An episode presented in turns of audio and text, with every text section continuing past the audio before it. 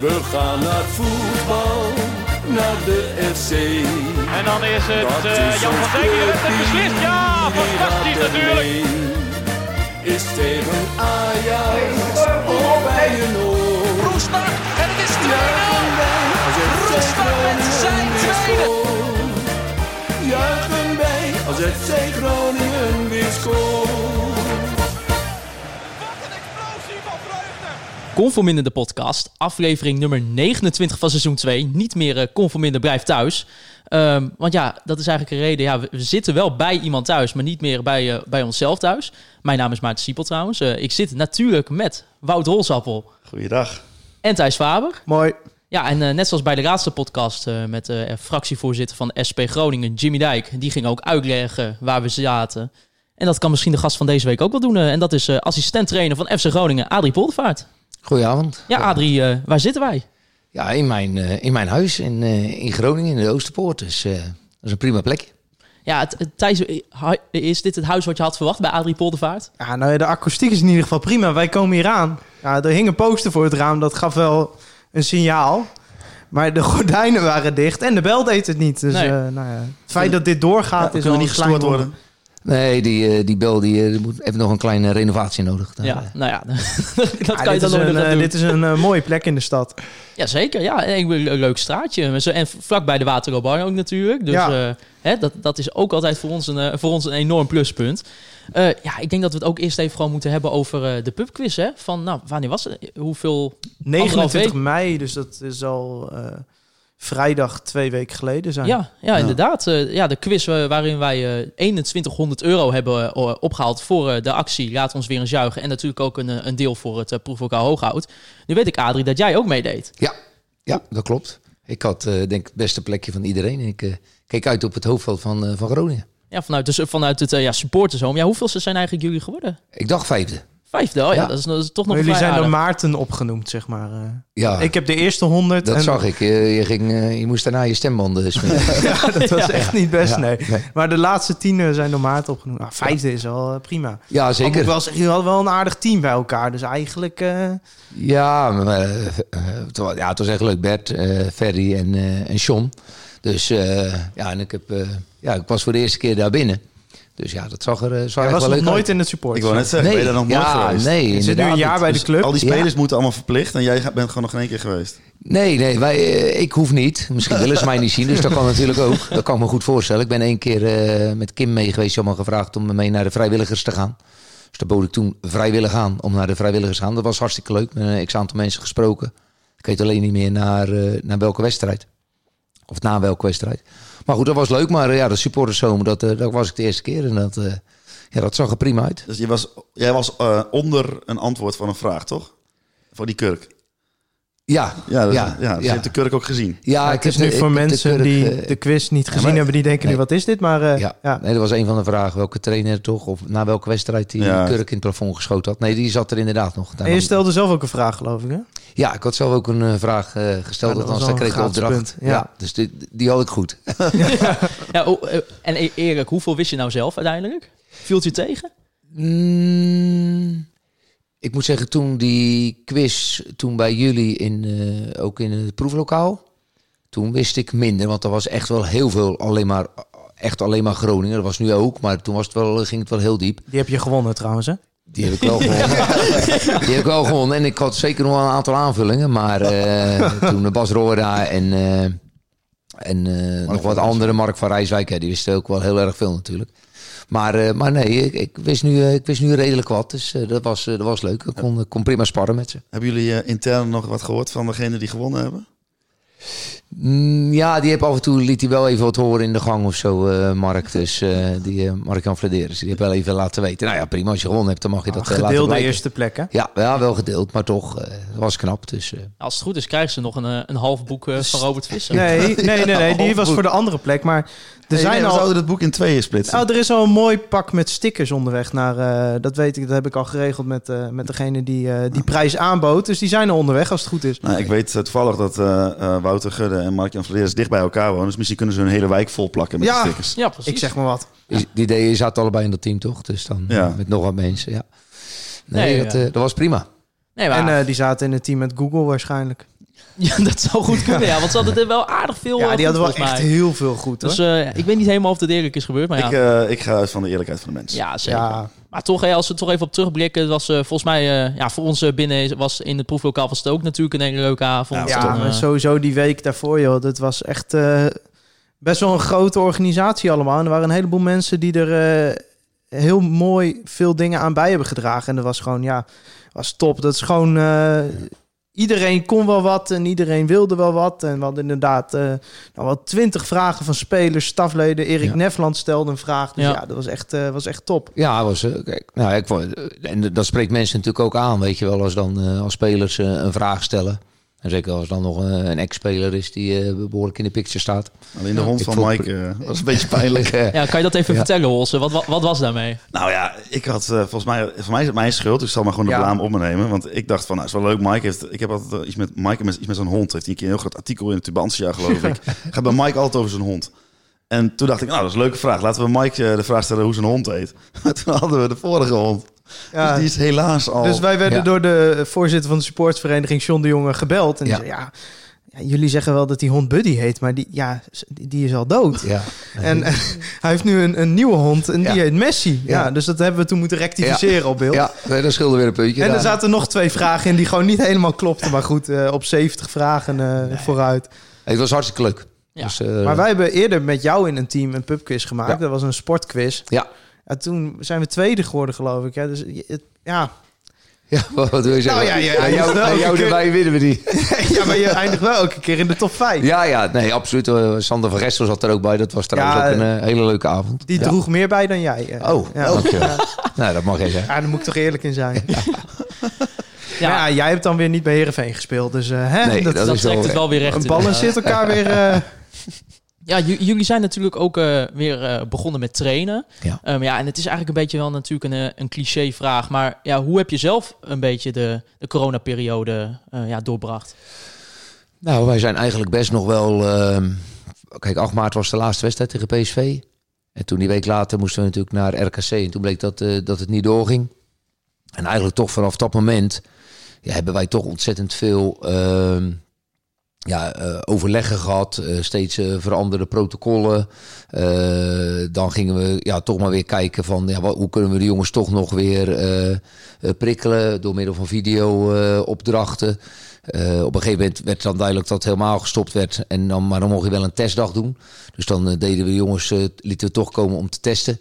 Er werd een interval shuttle test gedaan. En dan deden we wat paas en trappen met voldoende afstand natuurlijk. En hele kleine groepjes. En kregen we nog wat loopwerk en dan kregen ze wat krachttraining.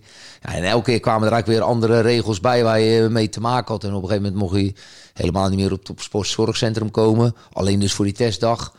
Dus eigenlijk ehm, ja, deed je steeds eh, ja, adapteren op de nieuwe situatie. Dan, dan moest je daar weer aanpassen en dan daar weer. Ja, eigenlijk zijn we toch wel steeds bezig geweest. Ik heb niet ervaren zo van eh, drie weken Groningen is uit mijn, eh, uit mijn hoofd. Want ja, daar kregen we gewoon eh, de kans niet voor. Want eh, nou, dan, dan moesten we als technische staf bij elkaar komen om over nieuwe ideeën te praten over voetbal. Of dan kwamen we met de hele staf bij elkaar van hoe hebben we dingen ervaren. Dus we waren wel eh, eigenlijk steeds bezig. Dus eh, ja, ik heb het eh, ja, buiten het feit dat je de spanning van wedstrijden mist, zijn we wel eigenlijk continu bezig. Maar eh, hoe is dat nou om, om... Nou ja, eigenlijk... Kijk, het normale werk is natuurlijk... gaat vrij veel van wedstrijd tot wedstrijd. Ja, Eh, je bereidt op het moment dat jij nou ja, tegen Vitesse hebt gespeeld... en je moet de week daarna Ja. tegen RKC... dan begin je de dag na Vitesse met de voorbereiding op RKC. ja, eigenlijk een dag na, na de wedstrijd, dan hebben we eh, de, de ochtend daarna hebben we gelijk altijd al nabespreking. Ja. En die eh, wordt dan verdeeld in meestal een eh, verdedigend stuk en een aanvallend stuk.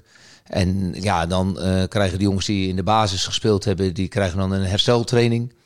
En vaak hadden we dan ook nog wedstrijden van, van, van jong, eh, die dan moesten spelen. Eh, dus ja, soms moest je dan uit weer naar Heracles maandagavonds. Nou, dat deed Alfons, arts, en Sander van Gessel eigenlijk altijd. Maar goed, daar ging ik altijd wel mee als het in het schema paste. Of als Danny zei, nou, ik heb liever dat je hier blijft. Nou, dan bleef ik op de club. En dan waren we bijvoorbeeld daar met spelers bezig. Eh, en ja, vanaf dat moment, als je nabespreking had, ja, dan is inderdaad de focus weer op de eerstvolgende wedstrijd. Ja, maar je hebt nu dus eigenlijk weinig Nee. om op te focussen. En Nee. Hoe is dat dan? Om, en ook natuurlijk een heleboel spelers. Ja, die lopen misschien uit een contract. Ja. Of die weten dat ze een transfer gaan maken Ja. deze zomer waarschijnlijk. Dat is, ja, waar, waar bouw je eigenlijk aan met z'n allen? Nou, dat kan ik wel vertellen. We hebben eigenlijk ehm 30 mei hebben we afscheid genomen van de jongens die ons gaan, eh, gaan verlaten. Of naar een andere club gaan. Eh, drie weken voor 30 mei, dus eigenlijk vanaf eh, begin mei ongeveer, zijn we, eh, hebben we de groep in, in, in, in- We moesten in kleine groepjes trainen. Dus die hebben we ingetraind op basis van wat ze, wat ze konden verbeteren. In onze ogen hebben ze daarin ingedeeld. Dus sommige mensen in, in de fysieke, fysieke gesteldheid, dus dat ze wat meer massa kregen. Anderen bijvoorbeeld met wendbaarheid en intensiteit. Een groep was eh, positioneren van de backs, hoe hoog of hoe laag. Eh, en eh, we hadden dan nog een groep met, eh, met, met de eindfase, de aanval eindfase. En daar hebben we spelers ingestopt. En dat was hun hoofditem. En dat kwam drie keer in de week terug. Daarnaast kregen die jongens dan ehm, eh, naast hun hoofditem nog andere kleine dingetjes als passing, als aannames, als handelingssnelheid.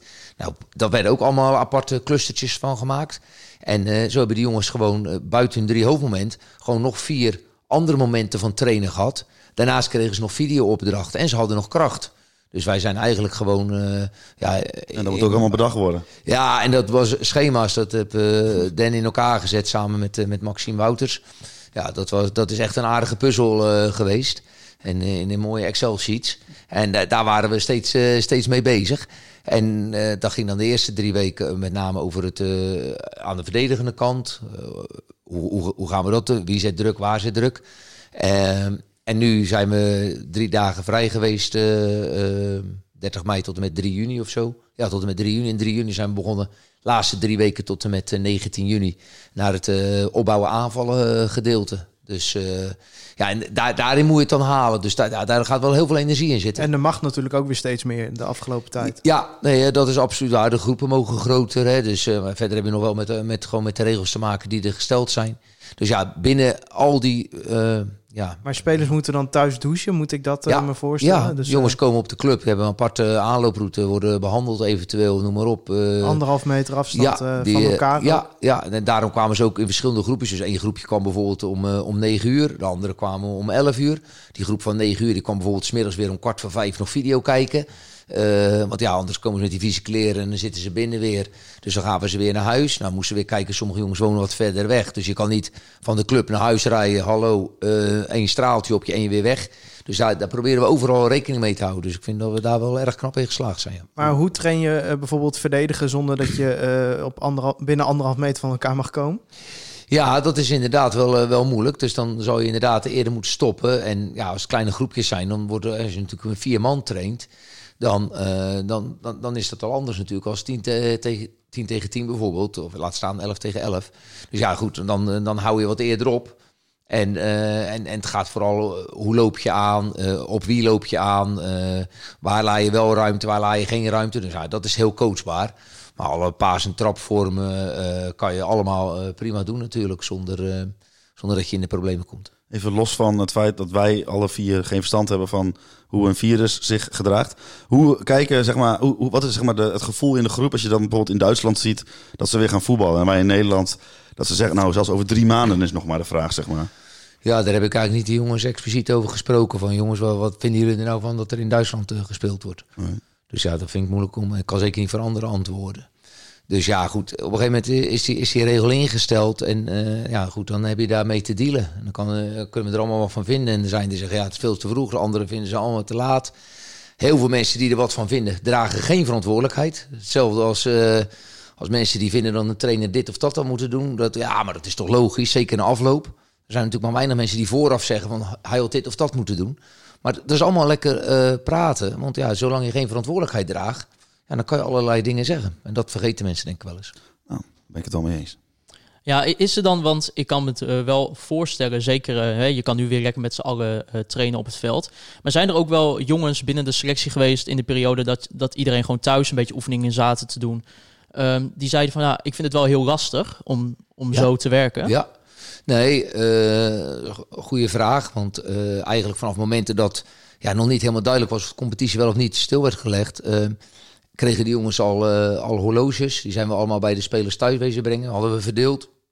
En eh verteld hoe dat Geen Rolexen neem ik aan.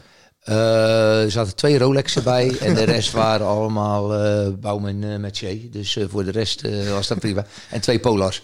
Dus eh nee, waren allemaal Polars. En eh, eh, nou, die kregen de jongens thuis en dan gingen ze lopen en dan eh, moesten ze dat eh, uploaden. En dan kon Jarno, eh, onze fysieke trainer, kon dan zien wat, wat ze gedaan hadden. Ja, volg Sergio op Instagram. Dat, eh, die gaat steeds harder. Ja, is niet normaal. Die, eh, die liep echt. Nee, maar die liep echt. die loopt echt goed. Dat is, dat is hartstikke goed. En ehm, dus ja, toen, toen kregen ze dat steeds. Maar ja, dan houdt het wel op, weet je wel. Dan heb je je ding. En dan zit je thuis. En je, je komt je maatjes niet tegen. Je hebt niet. Wat jij net zegt, de, spanning van de wedstrijd waar je naartoe leeft. Eh, het enige voordeel is, je kan niemand teleurstellen, maar je kan ook niemand blij maken dat hij gaat spelen. Dus ja, spelers, zeker als je, en als je dan eigenlijk alleen maar thuis mocht zitten, je, je kon niet even de stad in met je medespeler een hapje gaan eten of zo. Ja, dat was, eh, dat was best wel moeilijk. Dus eh, ja, we hebben regelmatig Zoom-meetingen gedaan om toch even met elkaar in contact te zijn. We hebben regelmatig, iedereen had zijn eigen groepje, dan ging je toch even bellen, joh, hoe, hoe gaat het met je? Het waren maar korte gesprekjes, maar zo hebben we toch getracht eh, de boel een beetje bij elkaar te houden en toch een beetje te peilen hoe je, hoe je erin staat. En de jongens die natuurlijk hier wonen met een vrouw en eventueel kinderen of hier, dan is wat makkelijk. Maar als je hier natuurlijk alleen zit en je komt uit het buitenland, Ja, ik vragen. Ja. Buitenland. eh, Ko, eh, ja, dat is, eh, ja, dan kom je uit Japan. Ja, eh, ik denk dat niemand in die flat eh, Japans spreekt. Ja, dan zit je daar eh, in je eentje. Maar gelukkig kwamen er wel bij hem weer wat, op een gegeven moment wat mensen langs familie of, of bekenden, die Japanners. Dus ja, dat, dat, ja dat, dan zijn ze weer bezig. Maar het is absoluut, absoluut moeilijk geweest. Ik vind dat je dat niet moet onderschatten. A, zijn ze niet in hun eigen omgeving. Hè, die jongens uit, uit Zweden die, die waren blij op een gegeven moment dat ze naar huis mochten toen, ze, toen we vrij waren.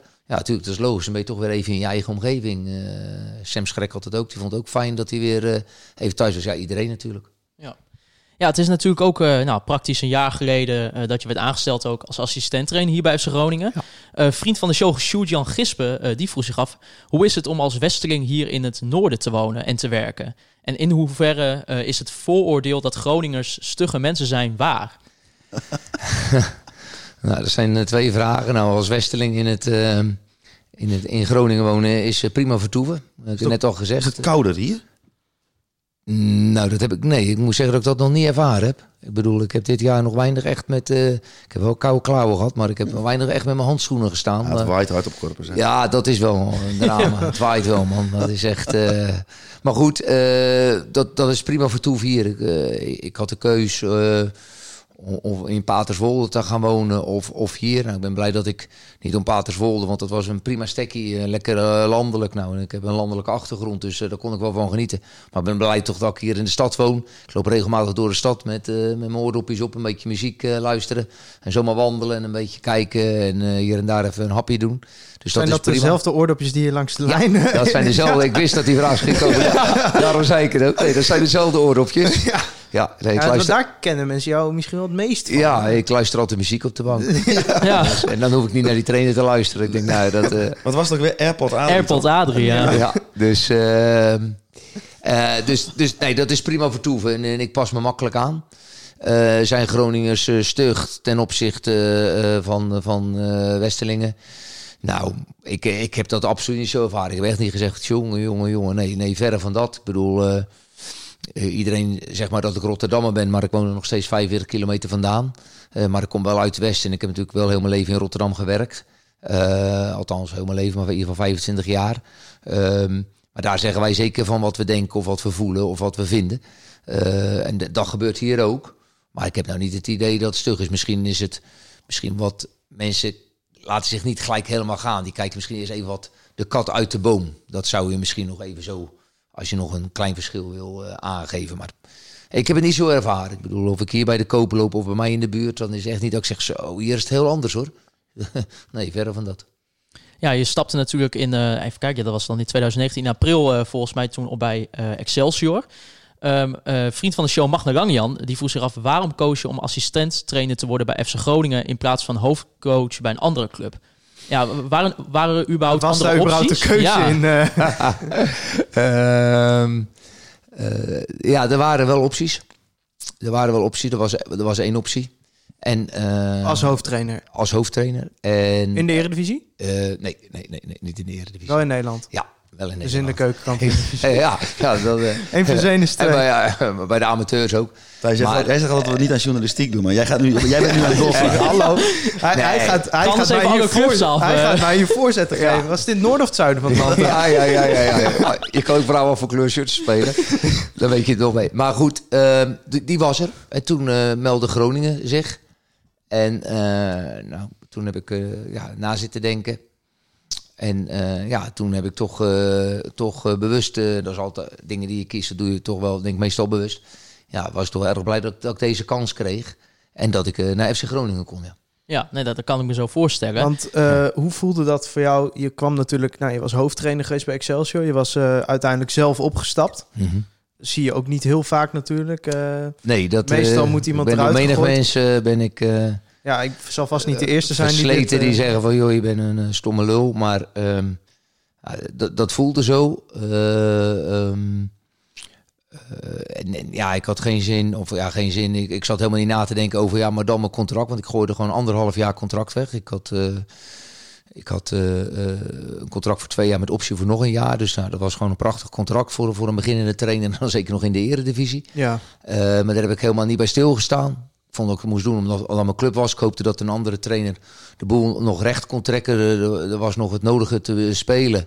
En nogmaals, eh, ja, we hadden 23, 26. Dat is gewoon echt een... eh, een, een eh, heb je nog 11 wedstrijden voor 9 punten. ja. Ja, en dat is, ja, dat is gewoon niet gelukt. Nou, dat is gewoon, blijft een pikzwarte bladzijde en die gaat niet meer veranderen.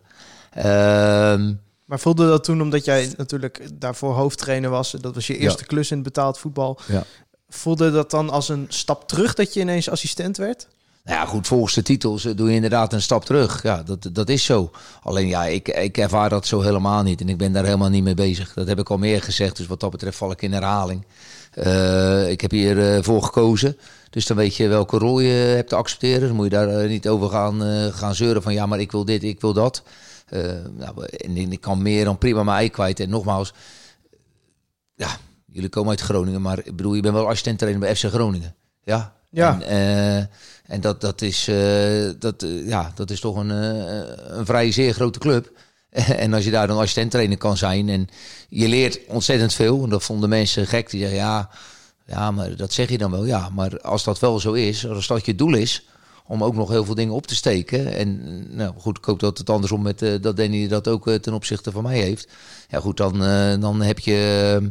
Eh, dan, dan haal je daar je winst uit. En dat gaat allemaal in, de- in de bagage. En wat dat betreft eh, ja, ben, ik, eh, ben ik zeer content met, mijn- met mijn rol. Dat de ambitie er is om hoofdtrainer te worden, ja. Want dat is dan meestal de volgende vraag. Van, eh, maar wil je dan niet hoofdtrainer worden? Maar dat is nu niet in vragen. Zeker niet als ik twee jaar verlengd heb. Ja, je zit nu eigenlijk ook eh, praktisch gezien na twee seizoenen als, als trainer in het betaald voetbal. Ja. Ehm, Elastieke Henkie had daar een vraag over. En Oh, echt? Ja, nou, dan mag de tune even wel worden ingestart Oh, ja, natuurlijk. dan want moet het was een ik, Epistel Eh, moet van tevoren groen. even worden gezegd. Ja, dan moet ik wel een goede aanzetten. hè? Komt-ie, komt-ie? Zeker. Ja.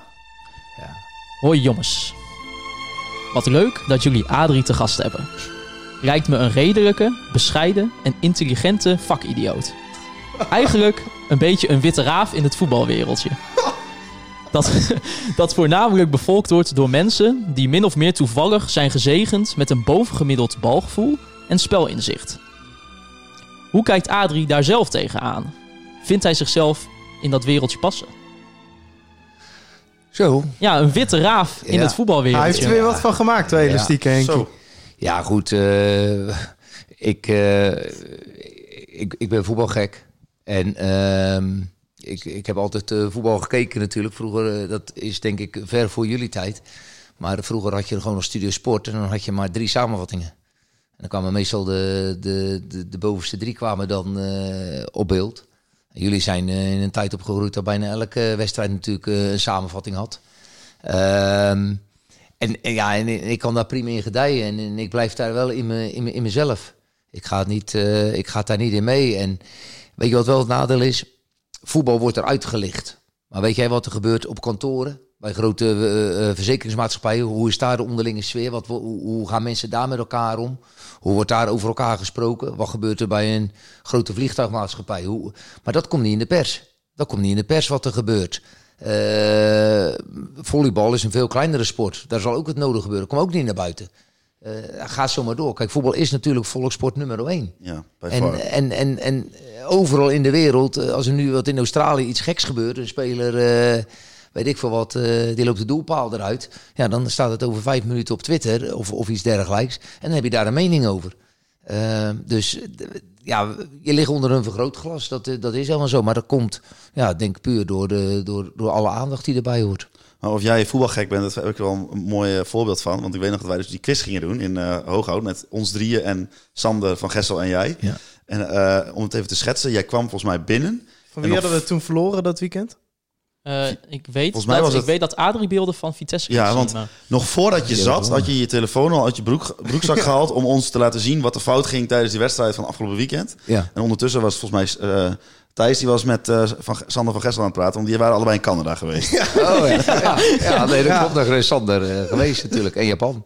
Ja, dat klopt. Nee, ja, goed, je zat ja. nog niet eens of je had de telefoon wel om te laten zien, kijk dan dit en dit en dit. Dus ja, Ja. dat hebben wij wel, zeg maar, op die manier hebben wij dat al aan de Ja. lijve ondervonden. Nee, ja, goed, dat is ook het. eh, dat is ook, dus, eh, Zo ga je, ga je ook zo met eh, bijvoorbeeld met Danny, omdat je als je eh, bijvoorbeeld iets terugkijkt en je, je denkt, oh ik zie iets, dan ga je meteen er naartoe en dan meteen... eh, ja, of, of we sturen elkaar iets. En dat, eh, dat doen we met de hele staf. Met, eh met Alfons Artsen, hetzelfde laken en pak. Ehm, ja, dan, dan, ja, dat moet je denk ik wel hebben. En misschien heb je, omdat ik geen betaald voetbalverleden heb, natuurlijk als voetballer, als profvoetballer. Wel natuurlijk al jarenlang in het betaald voetbal gewerkt. Maar dan als, eh, voor de mensen die het niet mochten weten. als fysiotherapeut. Nou, het joh. schijnt dat je Ja. ooit fysiotherapeut Ja, ooit. Schijnt dat ik dat wel eens gedaan heb.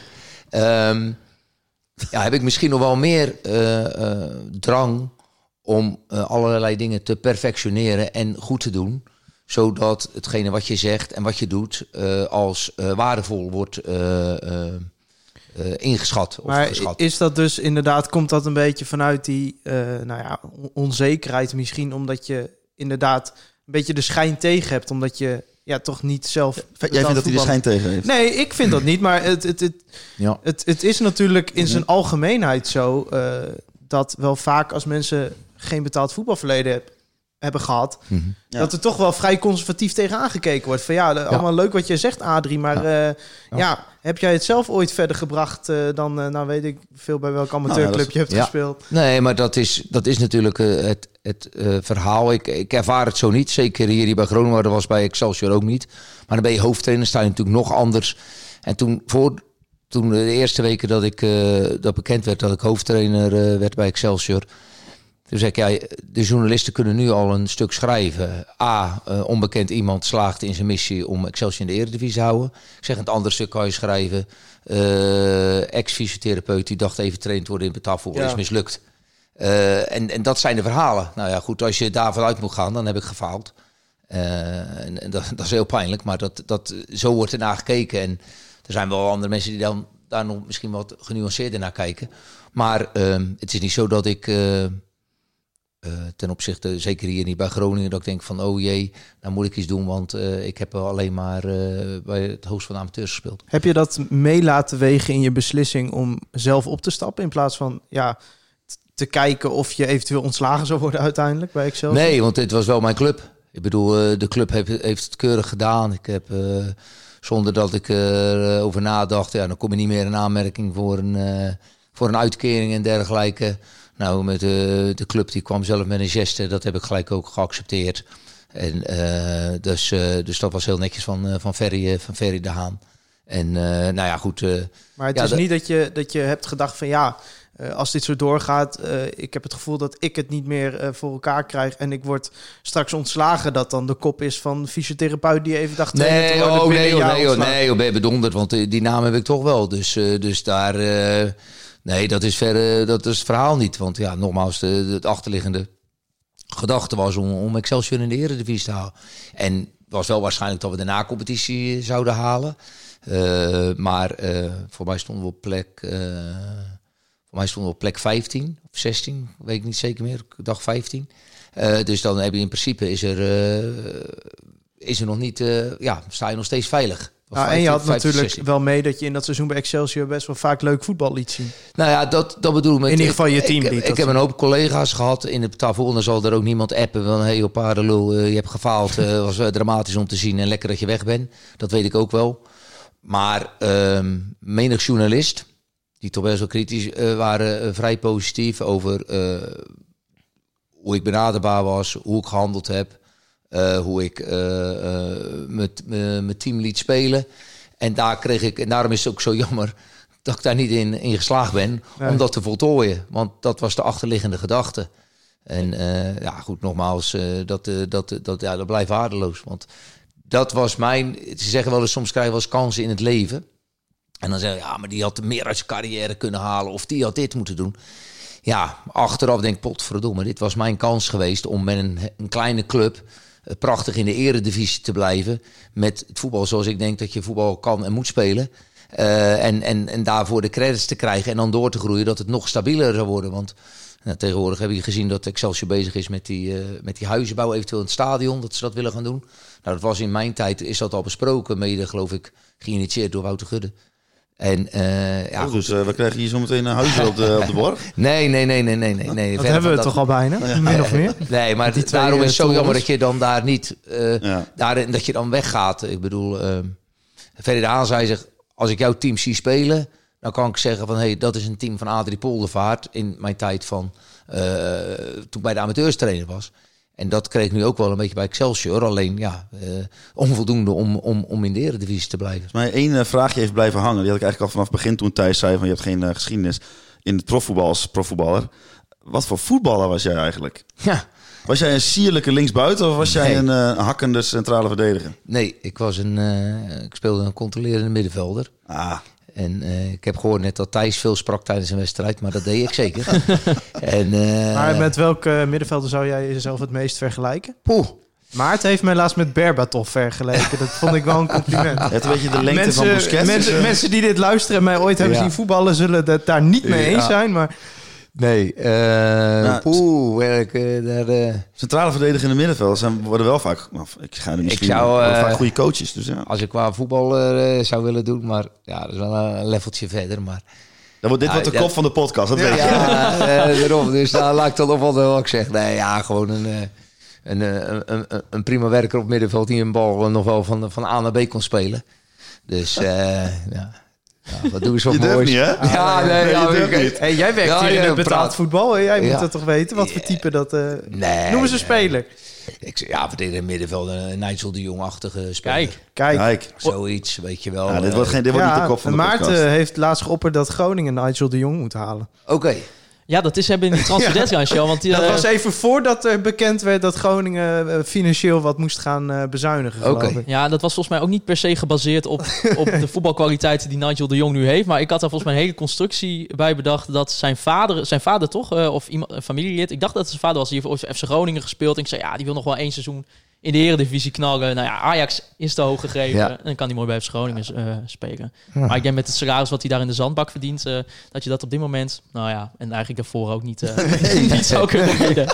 Net niet. Dan niet en dan ook niet. Ja, het, het voorbeeld wat, eh wat Wout eigenlijk noemde over het proeflokaal, hè, dat je gelijk de beelden eh, van de wedstrijd tegen Vitesse liet zien eh, aan ons. En ook het gesprek wat wij met eh Mark-Jan Verderes hadden toen wij een podcast met hem gingen opnemen, die, die zei ook al van, ja, die, die Adrie, de hoeveelheid tijd die hij steekt in, in, in zijn werk en ook hier in de club, dat is echt eigenlijk bizar. Ehm, We hadden het van de, ook bij de podcast, of voor deze podcast ook al over, van, hè, dat je vanuit de hele vloedschuis om zo om half vijf in de auto zit. Ja. Ehm, ja, is er dan echt gewoon die pure ehm, ja, inspanning die je zelf wil leveren van, vanuit jezelf, dat je dat eigenlijk volhoudt? Want ik kan me toch ook wel voorstellen dat, dat je soms echt kapot bent.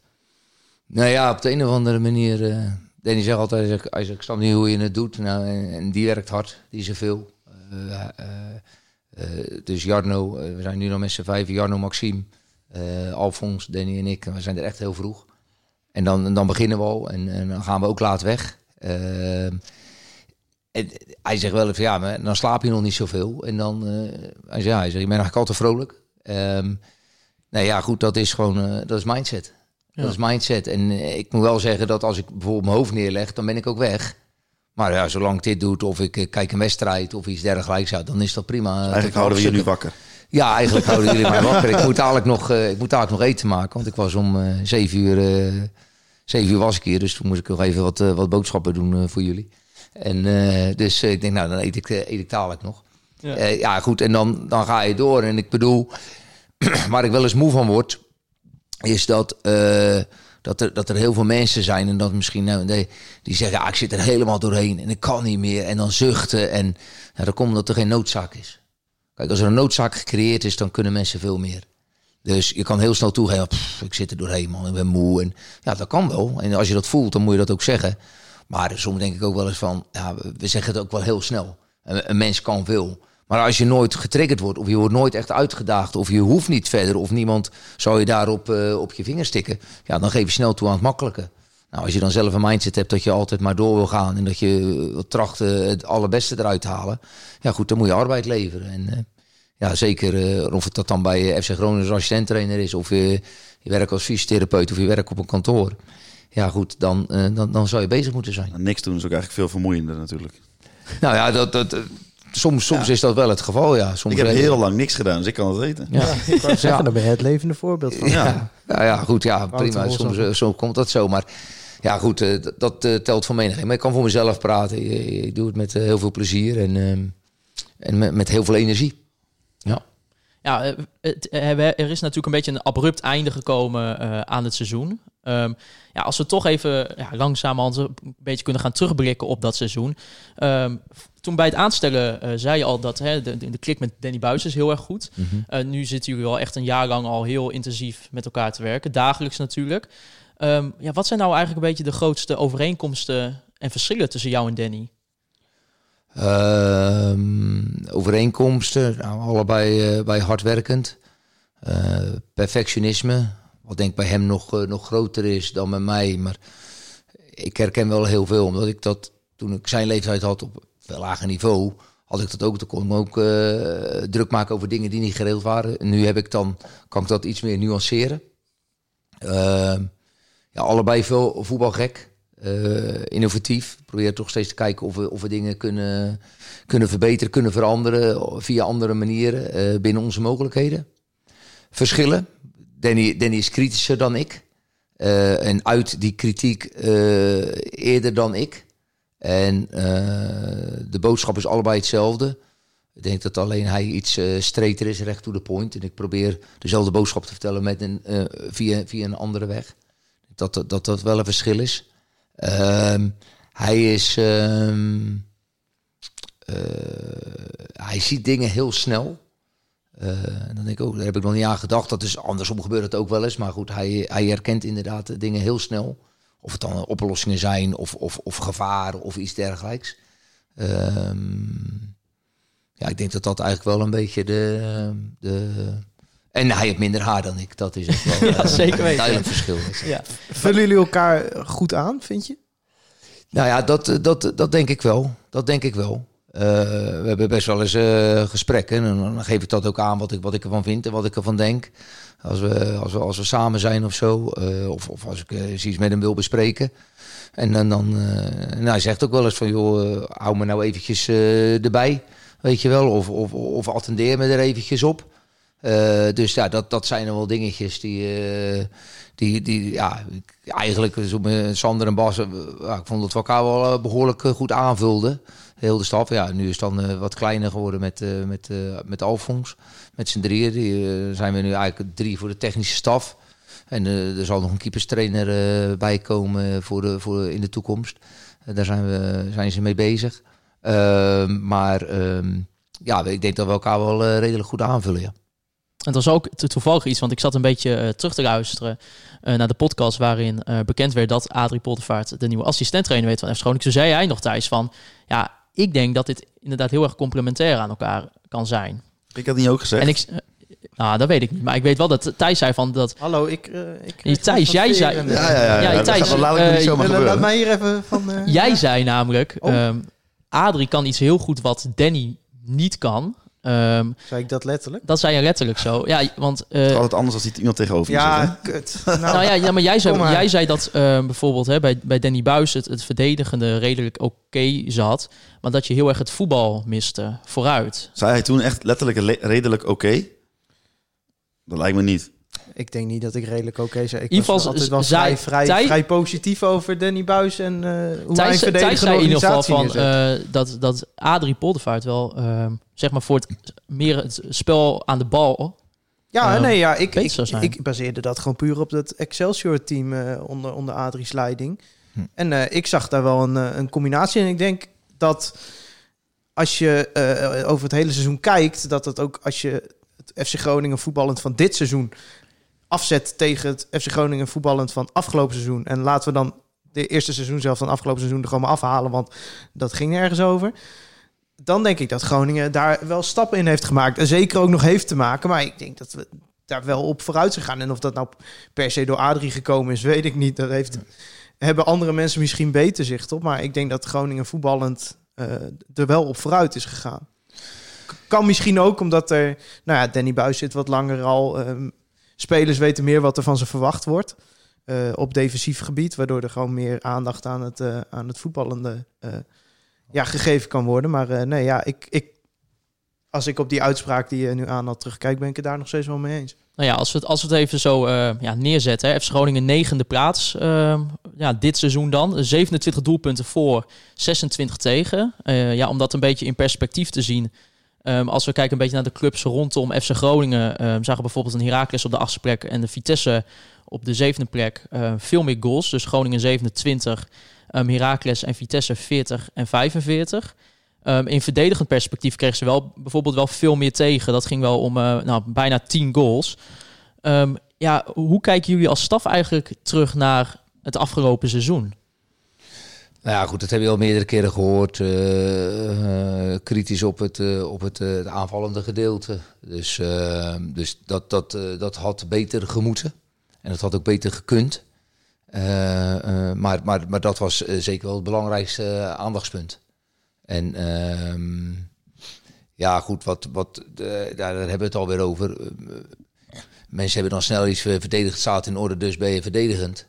Ja, dat wil ik misschien hier nu wel eens even zeggen dat eh, Danny Buis eh, verre van dat, en niet omdat het mijn hoofdtrainer is, maar ver- Danny Buis is verre van een verdedigend ingestelde trainer.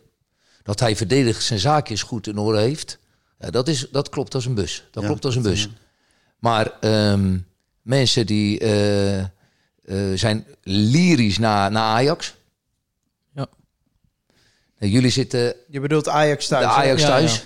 Ajax thuis. Jullie zitten aan de overkant. Hè? Jullie, dus de tweede helft hebben jullie de goal gezien van, eh van Lundqvist. Ja. Ja, toch? Ja. Maar daarna hebben jullie ons denk ik niet meer zo heel veel gezien op de helft van Ajax. Nee, we waren ook niet zoveel meer met de wedstrijd bezig. Oké, eh. maar, maar als wij zo op deze manier hadden gewonnen van VVV... Dat was lelijk. we- ja, maar hoe kunnen wij nou? Ja. En, ehm, en dat is zo jammer. En dan gaan zeggen ze, eh, er moet meer pressie gespeeld worden. Nou, ik heb ook mijn werk gedaan, net zoals jullie doen. Wij zijn na Ajax en PSV en Heracles het teamst wat het hoogst heeft staan verdedigen. Van zijn eigen goal vandaan. Dus onze centrale verdedigers hebben, dus wij zijn vierde van de 18 ploegen in Nederland, hebben wij het hoogst op het veld gestaan om ballen te verdedigen. Dus als je laatste lijn op 35 meter van zijn eigen goal staat, dan weet je, dat, dan, dan is veel ploegen die staan veel lager. Staan veel lager. Dus als je op 35 meter betekent dat je hoog staat op het veld om pressie te doen. En hoe verklaar je die 27 goals voor dan? Nou, wat ik zeg, dat, doordat we gewoon eh, aanvallen slecht uitgespeeld hebben. Aanvallen slecht uitgespeeld en de kansen die we gehad hebben. Ja, daar zaten echt grote kansen bij. We hebben nu eh, onze principes eh, nog eens een keer bekeken en uitgeschreven en bewerkt. En daarin komen allerlei clipjes die dan overeenkomen met de principes. Ja, we hebben vanmiddag was ik met een groep bezig. Er zitten vijf 100% kans in die een- een wedstrijd doen kantelen. En dan sta je nog maar op 32. En dan zou je zeggen, ja, maar dat hebben andere ploegen ook. Dus je had er misschien in plaats van 45 goals 50 goals kunnen hebben. Dat zal dan wel. Maar bij ons, als je dan vijf goals meer had... en je hebt er maar 26 tegen... ja, dan win je wel wat wedstrijdjes meer. En dan haal je wel wat meer punten. Dus dat we niet goed gedaan hebben aan het aanvallende gedeelte... dat klopt als een bus... Wat absoluut niet klopt als een bus is dat Groningen verdedigend speelt. Hij gaat ook niet praten met of er een, of er een middenvelder staat op de, op de linkshalfpositie of, of zulke soort dingen. Want de intentie, als je kijkt hoe wij de besprekingen doen en trainen, is altijd volle bak vooruit. Dat we nu eigenlijk wel eens gezegd hebben van, als wij zo hoog druk geven, dan schiet de tegenstander de bal naar voren. Dan veroveren wij hem op onze eigen helft. Bijvoorbeeld komt de bal bij Sergio. Maar dan moet je weer door elf man heen voetballen. Als je wat lager staat en de middenvelders verliezen de bal van de tegenpartij, dan hoef je misschien nog maar langs vier of vijf mensen en je hebt ruimte achter hun verdediging om toe te slaan. Nou, dat is een mogelijkheid wat je eventueel kan zeggen. Dan denk ik, nou, misschien moeten we wat minder hoog staan. Ja. Maar Tegen zou je Maar- Groningen dan misschien in plaats van een verdedigende ploeg een georganiseerde ploeg moeten noemen? Groningen is een zeer goed georganiseerde ploeg. Die eh, ook zeer goed kan verdedigen. En vooral zijn kracht haalt uit in het duel komen. Met, met, met, met, met pressie spelen. En waarin wij eh, met de mogelijkheden die wij gehad hebben en gekregen hebben. eh, te, weinig, eh, te weinig gedaan hebben. En ehm, het mooie is van. want ik had gekeken van. Ik denk, ja, wat, wat zijn dan de verschillen? Met. Er komt nu een laptop op tafel. Ik zal het voor de mensen even schetsen. Wat zijn dan bijvoorbeeld de verschillen? En, en dat heb ik dan wel goed gezien, Thijs. Is dat we ehm, doelpunten ten opzichte van vorig jaar na 28 wedstrijden... hebben we er eigenlijk ehm, nog... eh, ehm, even kijken hoor, doelpunten voor. Hebben we er eigenlijk nog drie, eh, drie minder. Hebben we er nog drie, eh, drie minder. Of vier minder zelfs. Ehm, doel, doelpunten gescoord vier doelpunten gescoord, vier minder. Nou, dan kijk je naar expected goals. Nou, die is inderdaad wat minder. Balbezit zijn we omhoog gegaan.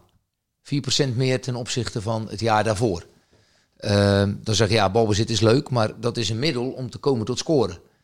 Eh, dus daarin hebben we ehm, het aantal keren dat je balbezit hebt, dus de tijd dat je balbezit hebt. Hebben jullie enig idee hoe vaak een bal verloren wordt in een minuut? Dat je omschakelvoetbal krijgt?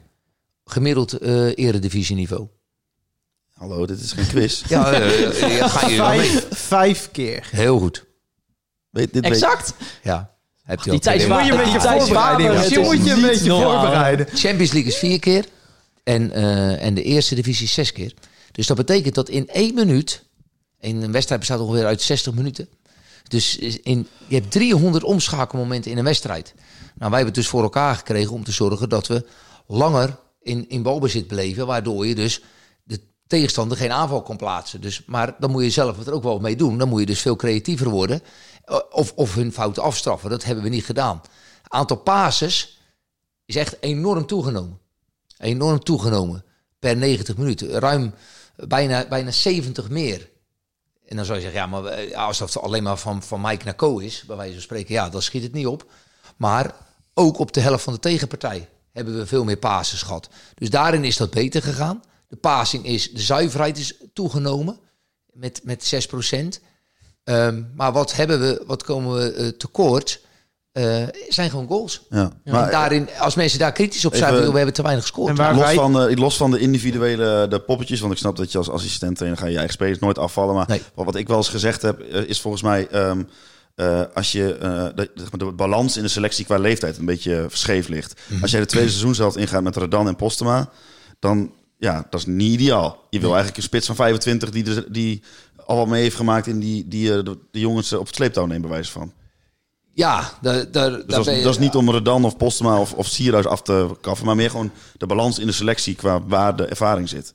Ja, maar daar, daar, dat heeft ook te maken met natuurlijk wat, wat de mogelijkheden zijn van een, eh, van een club. Ja. Ja. En, eh, en daar heb je mee te maken. En als je natuurlijk ziet, als je naar een andere kant kijkt, wat, wat heeft Groningen dan de laatste twee jaar ontwikkeld? Reis, Ja. Chabot, Warmerdam maakt een mooie stap. Eh Mike maakt een hele mooie stap. Nou, eh, iedereen weet eh, dat, eh, dat, eh, dat er groot interesse is voor, voor Zeefuik. Het zijn allemaal Maakt verdedigend ingestelde spelers. Mimicevic is natuurlijk weg. Ja. Benschop is weggegaan in de winterstop. Dan heb je de, hè, dus dat, dat was je, had je Romano, je had Charlie en je had Kai. Maar dan ben je Kai ook ineens kwijt. Ja. Met, een, eh, met een prachtige stap. Ja, dan, dan raak je natuurlijk uit. We vergeten Doan gewoon even eh, en passant. Ja. En ehm, Ja, daarom, ik bedoel, en dat, die had natuurlijk één. En Kai had er zes. Dat waren al, eh, en Charlie had er drie, geloof ik. Dus van de 27 goals waren er in de winterstop waren er volgens mij 11 al weg. En eh, ja, goed, maar ze ontwikkelen zich wel bij ons. Nou ja, dan hoop je dus, als je natuurlijk ziet waar Romano vandaan kwam nu, hoe die zich ontwikkelt en hoe die nou bezig is. Ja, dat is prachtig om te zien. Dus daar moet heel veel focus op liggen. Ja, goed. En dan moet je kijken wat er mogelijk is. En Maar zeker in deze tijd. Natuurlijk, dat soort spelers, dat zijn eigenlijk eh, factoren waar je zelf niet heel veel invloed op hebt. Eh, Heb je het gevoel dat jullie als eh, staf op aanvallend gebied ver genoeg waren? Dus waar kun je op het gebied van het creëren van doelpunten, het creëren van kansen, het afmaken van die kansen, waar Ja. valt daar nog genoeg winst op te behalen? Ja, er is zeker winst op te behalen. Maar ehm, wat, wat jammer is, is dat je als je, als je ziet eh, welke kansen wij gecreëerd hebben. En waarin dus, en dat is het moeilijkste in voetbal, de eindpaas. Wij, weet je welk voorbeeld wij steeds aangeven waar alles klopte? Over weer over verdedigend of aanvallend spelen. Emma uit, eerste wedstrijd, die weten jullie zeker nog. Ja. ja, Ko Itakura pakt de bal. 15 meter op de helft van de tegenstander pakt hij af. Als linker centrale verdediger. Kapt af, speelt Lundqvist in. En Roestic gaat lopen aan de binnenkant en krijgt die mooie boogbal en over de keeper heen. ja, maar daar ga je er niet 40 per seizoen van maken natuurlijk. Maar de fine-tuning, dat alles klopt op dat moment, daar, daar ben je naar op zoek. En de ene keer valt die bal wel en de andere keer niet. Ik heb vanmiddag beelden gekeken van Feyenoord thuis. Prachtige aanval. Komt de voorzet van Roestic. Staan Charlie en Kai staan helemaal met zijn... Nee, Charlie en Mo staan helemaal vrij in het centrum. Dus als die verdediger staat gewoon vier meter ervoor. Als die bal iets hoger is, staan ze recht voor de goal. Kan je hem inkoppen. Ja, dat is dus op dat moment de, de kwaliteit die we net even niet hadden om de juiste paas te geven. Ja. Ik geloof dat Roestic de speler was in de eredivisie met de meeste keer de lat en de paal geraakt hebben. Volgens Ja. mij is dat sowieso al, dat Groningen al jarenlang het, het meest op de paal en Ja? lat schiet. Was Nou ja, seizoen goed. ook al zo. Dan zitten we er wel steeds dichtbij. Maar dat doet niks af aan het feit dat we aanvallend te weinig gecreëerd hebben en de tegenstander te weinig pijn gedaan hebben. Ehm, feit blijft dat als je zelf de nul houdt en je scoort dan, dan kom je altijd wel een, eh, dan is de grote kans dat je wint. Maar dat dat ruimer en meer had moeten zijn, ja, dat kunnen wij, en je praat nu met mij, kan ik alleen maar beamen. En dat heeft een heel groot aandachtspunt. Maar niet gaan zeggen dat we verdedigend spelen, want dat, eh, dat klopt absoluut niet. georganiseerd houden we het op. Ja, eh, georganiseerd, vooruit verdedigen, ja. Ja, maar ik denk ook wel, ehm, wat, je, wat je ook noemde met die eindpaas, dat, dat was voor ons vanaf de- tribune ook altijd wel te zien. Het was elke keer net die laatste, of die ene laatste paas die gewoon ja, niet goed was. En dat, dat, dat aan het eind van de wedstrijd. Maar je hebt ja, natuurlijk in je dat dan. wedstrijden wel fases gehad. Ik eh, herinner me Vitesse thuis hebben we een fase gehad. Eh, Willem II thuis aan het begin Ja. van het seizoen Ja. heb je gewoon een fase gehad. Dat je eigenlijk 20 minuten lang, ook door vooruit te verdedigen, steeds die tweede bal te winnen. Deze gewoon eigenlijk 20 minuten lang met de rug tegen de muur zet. Ajax hadden we natuurlijk ook een hele grote periode van de wedstrijd met de rug tegen de muur. Wat denk je de eerste 20 minuten van eh, Twente thuis? Ja, Ja. ook inderdaad voor de, voor de rode kaarten. Uit Ja, het feit ja. dat zij die penalty missen. Maar, AZ uit in de twee. maar Ja, kans- AZ ja, uit. AZ uit hebben we toevallig van de week nog eh, gekeken. Dat was, eh, dat was top. Als je de eerste helft kijkt van VVV thuis. Met de ballen van, eh, van Bart. Bart van Hintem op eh Azorro bij de tweede paal. Die lage ballen. En de kans van Roestic. Of eh, van eh Lundqvist volgens mij. Dat hij net langs de paal schoot. Dat was bijna, nou niet bijna, maar dan was de eerste helft, als we daar gewoon met 2-0 naar binnen gaan, dan zou ik bijna zeggen, dat was bijna een perfecte eerste helft met alles wat we deden. Nou, de tweede helft was natuurlijk een draak van de wedstrijd en dan Ja. verlies je ook nog zo die pot. Ja, dan is het helemaal een sneu. Dus wat blijft Is dan? dat misschien wat- een beetje het verhaal van dit seizoen? En, ja. We hebben het toch niet afgemaakt, dus we kunnen niet zeggen van eh, we hebben gemist op de play-offs. eh, We hebben het seizoen niet afgemaakt en we hebben de kans niet afgemaakt. Nou, ik denk dat dat, dat, dat, dat zeker eh, het geval is. En dat dat omhoog moet, eh, ja. Ik heb wel begrepen van... eh, toen we, iemand had een onderzoek van ons gedaan... van de laatste jaren, ik geloof de laatste tien jaar... zowel van Ron Jans als Erwin van der Looy als Faber. Ik geloof dezelfde Maaskant er nog bij zat en zo. Het is niet zo dat, dat Groningen altijd gewoon op 78 goals staat. Dat is... Nee, nee. dus dat, dat is niet iets nieuws. Ik geloof dat jaren toen ze zelf de beker wonnen, was dat ook, eh, ook een klein beetje, te, of een klein beetje, dat was ook het geval. Eh, maar eh, ja, we kunnen alles erbij halen. Wij leven in het nu. En de, de, de, mensen in de technische staf zijn er nu verantwoordelijk voor. Nou goed, en dan moet je heel duidelijk zijn dat we aanvallend te weinig gecreëerd en te weinig afgemaakt hebben. Nou, dat, dat staat als een paal boven water.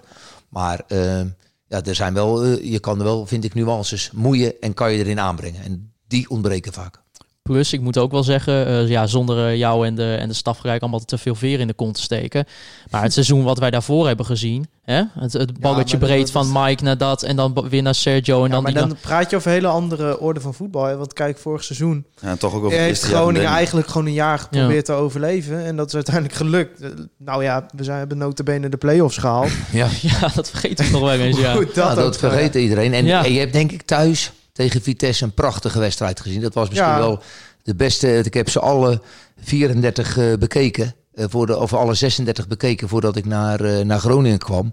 Om me goed eh, eh, voor te bereiden op. En eh, ja, dat was wel een, een prachtige wedstrijd. Dat was echt wel een prachtige Ja, nou wedstrijd. ja, dat is ook weer typisch. Dan krijg je ik- net ik even denk die uitkomt. hoe, langer het geleden is, hoe meer ik eigenlijk denk, jee, wat Danny die zat zo ontzettend diep. En die heeft dat Ja. wel gewoon naar een playoff plek eh, weten te krijgen. Ja, dat, als je dat echt heel eerste half jaar, want toen Ja. hadden wij nog wel eens contact, omdat we natuurlijk allebei van de cursus afkwamen. Ja, goed, toen, eh, toen had hij het echt niet makkelijk. Nee. En ik weet hoe, het, hoe die nu al is, eh, wel eens na, na een verliespartij. Nou, zeker toen, eh, toen in het begin, de derde wedstrijd won je natuurlijk hè, van de Graafschap uit met 0-1 door Ja, Michael dat Breij. Michael Breij, ja. Terwijl dat Ja. toen de slechtste wedstrijd was Ja. ongeveer van alle wedstrijden. Eh, en, ja, maar ja, die, die win je dan wel. Eh, eh, en dan, ja, dan ga je de winterstop in. En dan eh, sta, je, sta je niet hoog. En dan krijg je natuurlijk ineens eh, zes spelers eh, erbij. En dan, eh, ja, en dan ga je ineens na de winterstop win je. En dan, dan komt er wat. En thuis tegen de Graafschap hebben jullie eh, denk ik eh, de nodige mazzel gehad. Maar, maar je wint hem wel. En tegen Excelsior was het altijd ook nog wel een gelijkspelletje kunnen worden toen. Was de, de wedstrijd na mij. Maar goed, wie wint ze dan wel? Ja, en dan wat tellen dan? Is de 1-0, de drie punten. Is dat de je legendarische Excelsior-wedstrijd eh, met het doelpunt van Pol? Nee, dat was de Nee, uitwedstrijd. nee, was dat was de uitwedstrijd. hij op. gewoon nog hoofdtrainer. hè? Dat Oh, krijg ik nog wel regelmatig te horen. Hij heeft één- Oh. hij heeft één wedstrijd gescoord. Dat was een mooie avond eh, hoor, voor Ja? ons. Ja, dat was prachtig. Ja, jullie aangereden, toch? Aangereden. Ja, met een fiets of zo. Oh of ja, ja, toen zijn we in de, op de Witte de Witstraat aangereden Oké. inderdaad. Ja. ja, dat zal wel druk zijn. Ja, Ja, ik gaf ze net wel de complimenten, Adrie, maar dat, dat je die wedstrijd een tegengoal kreeg van zowel Yannick Pol als, eh, hoe heet ons vriend, Matteo Cachera. Ja, Ja, ja dat kon Ja, echt en die niet. van Cachera die schoot hem nog aardig binnen. Ja, zeker, zeker. En als je dan ziet hoe wij begonnen, toen we redden Sergio jullie. Want zeker die Edwards, die kleine, die, eh, Oh, die was aan goed. recht, die, eh, die, die ging over de achterlijn, ging die er eh, geloof ik een elftal voorbij. Maar hij schoot hem toch weer lekker tegen de keeper op. Eh, maar goed, eh, die, die won je wel. Dus eh, ze waren heel, eh, heel blij toe en terecht. ja, precies. Eh, ja, voordat wij even naar een verslagje gaan van de, van de snacktribune. eh, eerder die dag, Hols, was jij eh, bij de Ja. Vaderdagactie aanwezig. Ja. En kan je even schetsen hoe dat was? ja, nee. dat- ehm, ik was zo- er ook nog even kort hè. Ja, het is sowieso heel gek, want je, je, je mag dus niet op het veld komen. Dat is een dingetje, dat is ook terecht. Jan van der Velden, dat is de groundsman, die vindt dat terecht eh, niet goed. Nomen est omen. Juist. Ehm, maar ja, je mag dan ineens op die midden, in die middencirkel staan. En vooral met eh, kinderen en eh, vooral die vaders en die moeders. Die, ja, die, je ziet gewoon dat dat heel, een heel bijzonder iets is. En wij zaten daar ook, was met Ferry Delis, eh met eh, John de Jonge. En eigenlijk Dailies. Delis en met Jongen, eh, jongen, jongen. Peter van Dijk. En eigenlijk hadden we allemaal zoiets van, waarom is dit niet gewoon elk jaar? Of weet je, het John zo meteen, ja, waarom niet daar en waarom niet daar? En waarom niet af en toe met spelers? Die, zo bind je volgens mij de mensen aan je club. Want die kinderen, die vonden het echt helemaal geweldig. Dus ja, ik eh, heb eh, zeer veel, eh, ja, een positief geluid over deze actie. En later die dag hè, Ja, nee. dat- Ja, de Gingen- snacktribune. gingen jij, eh, Thijs en eh, vriend van de show Klaas-Jan Teveen naar de snacktribune. Ik wil me trouwens, ik zei net een Latijnse zin tegen eh, Hols. Ja. ja. Volgens mij is, was dat zo dramatisch uitgesproken. wil ik me nu alvast even voor verexcuseren. Ah, Even een maar- Mocht er, iemand, rectificatie. mocht er iemand luisteren eh, die ooit iets met Latijn te maken heeft gehad, sorry. Maar hierbij dus even een, eh, een verslagje van eh, vriend van de show Klaas-Jan Teveen, Thijs Faber en Wouter Holsappel over de snacktribune. Ja, er moet ook gegeten worden, hè? Ja, ik ben normaal niet zo van het eten. nou ja. Het is alleen maar maagvulling, hè? Ja, nou ja, dit... eh, En dat was het ook. het was de totale wedstrijdbeleving. Ik had hem weer even. Het was helemaal niet verschrikkelijk koud buiten. En wij lopen dat stadion in. Ja. Nou ja, daar, loop, daar loop, liepen we niet zomaar binnen. Want eh, we hebben eerst nog een half uur in de rij moeten staan voordat we naar ja. binnen mochten. Wij kwamen de- ook wel op het drukste tijdstip. Bij de snacktribune voor goede orde. Bij de, bij de snacktribune, ja, bij FC Groningen. Ehm, en in het stadion was het direct weer 20 graden kouder dan buiten. Het was echt heel koud. Ja. Eh, vervolgens hebben we ook weer een half uur voor de horeca-counter moeten wachten. Nou, mensen die wel eens bij FC Groningen iets van de horeca willen hebben. ook dat is niets anders dan op een wedstrijddag. En vervolgens konden wij op ons eigen vakkie met uitzicht over het hele stadion. Ja, jij wou lekker beneden opeten. gaan zitten, maar dat ging ik echt niet doen hoor. Nee, want het regende ook nog, dus we zijn ergens boven, Maar bovenaan gezeten. ik heb Groningen nog nooit zoveel doelpunten zien scoren In het stadion. in het stadion. Nee, nee, ja, want er kwam al- ondertussen ook een compilatie voorbij. Nou, tegen de tijd dat wij ons eh, eten hadden, was die compilatie alweer twee keer voorbij geweest. Dus eh, ja. Maar heb- jongens, maar even, dat is even, volle- volledig begrijpelijk even het natuurlijk. eten. Hè? Wat, wat had jij thuis? Ik had een, eh, een patatje speciaal. Met een frikandel speciaal en een vitamin water. een vitamin water. Je Vi- vond het niet- vitaminewater. En je, Nou, vond, de mevrouw achter de balie noemde het vitamin en je vond water. het niet eens lekker hè? Nee, maar ik had dorst. En ik weet wel, als ik dan eh, Maar direct bier ga nemen, net als... We waren gisteren hadden we ook al in de kroeg gezeten, waar we nu ook zitten. Nou, waarom zou je iets bestellen wat niet lekker is? Omdat het heel erg dorstlessend werkt. Mensen die wel eens vitamin water hebben gehad, die zullen dat eh, kunnen bevestigen. Overigens geen sponsored item dit. Nee, maar als ze dat wel willen... eh, nou, we hebben, we contact hebben op. tegenwoordig een nieuw Nee, je kon ook Sourcy, Pepsi en Heineken krijgen. Zo, nu hebben Ja, we ze genoemd. ja. Daar zijn ze. Ik heb een, eh, een eierbal gehad uiteraard. En een patatje ook. En een frikandel. En ik moet zeggen, die eierbal die eh, smaakte mij goed. Ja, kan niks aan... Ja, ik moet... Kan, ja. Ja, ik heb nog niks over het eten gezegd, maar het is eh, Eh, over ja, mijn eten. Jij... de- ja, maar jij hebt een frikandel speciaal. Iedereen weet wat een frikandel speciaal is. Dat is gewoon een frikandel met... ui. Nee, Nee. nee. Sommige mensen eten dat met ketchup hols. Dat, dat mag niet, dat is blasfemie. Maar de eierbal... ehm, ja, ik, ben moeder, ik moet heel eerlijk meteen toegeven. Ik heb niet zoveel eierballen gehad in mijn leven. Oeh. Ik ben import, hè. Dus Ja, jij komt natuurlijk eh, hier niet vandaan. Nee, Nee. ik ben import. Dus ja, ik heb niet zoveel, niet zoveel eierballen gegeten. Eh, over deze kan ik zeggen dat hij... Dat, ik heb er wel eens wat gehad. Ehm, hij, hij mag wel iets steviger, zeg maar. Dus als je hem een hap neemt, dat hij, hij viel, nou, viel uit elkaar. Het was van binnen niet echt een... Had wel iets steviger gewogen, Was hij maar wel lekker krokant? smaak... Ja, krokant was hij. Ja, hij, was, hij smaakte ook heel erg En was de ragout warm? Ragout was warm, ei was warm. Deels. Oh, want dat is bij FC Groningen horeca normaal gesproken ook nog maar de vraag of het eten wat je krijgt warm is en of het drinken wat je krijgt koud is. Dat, nou ja, dat wordt nog wel eens omgewisseld. Ja.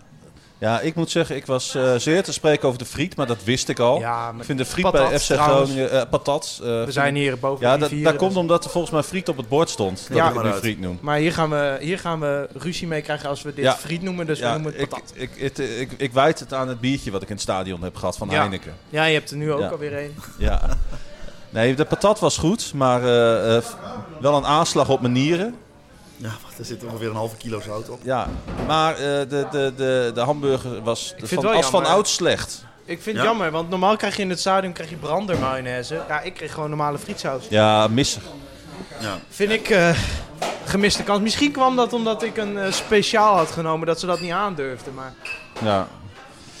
Nee, ik, eh, ik, ik vond de friet goed en ik vond de hamburger vond ik beroerd slecht.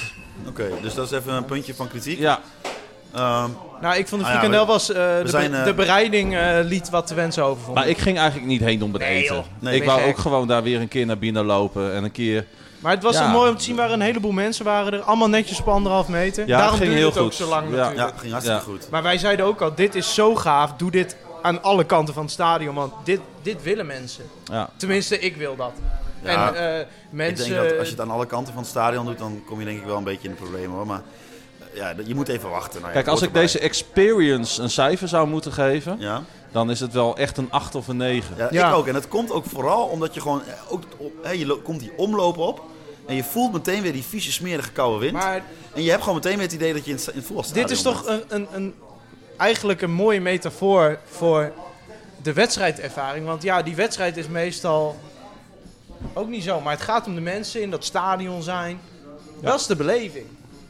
Ja, en dat je daarna naar de kroeg gaat, zoals nu. Prachtige metafoor, vind ik. Is dat een mooie om mee af te sluiten of wilden jullie nog wat toevoegen? Ja, nou ja, eh, ik- Nou ja, we kunnen Ja, maar gewoon... mensen willen nu ook gewoon weer de podcast met Adrie Poldervaart horen. Ja, maar Ja. je, we kunnen, we kunnen het er gewoon doorlullen. Want je ik ben eigenlijk wel benieuwd wat... eh, uit. Ja, ik kan dit wel. ben wel benieuwd wat Adrie, eh, eh, wat, wat, wat- hoe Adrie in eten staat. Wat, Nou, ik, wat hij wat hij wat hij s'avonds dan eet. ja, hè? nou, ik, ik ga nu dus, Adrie luistert dit nu momenteel Ja. tijdens het opnemen van de podcast.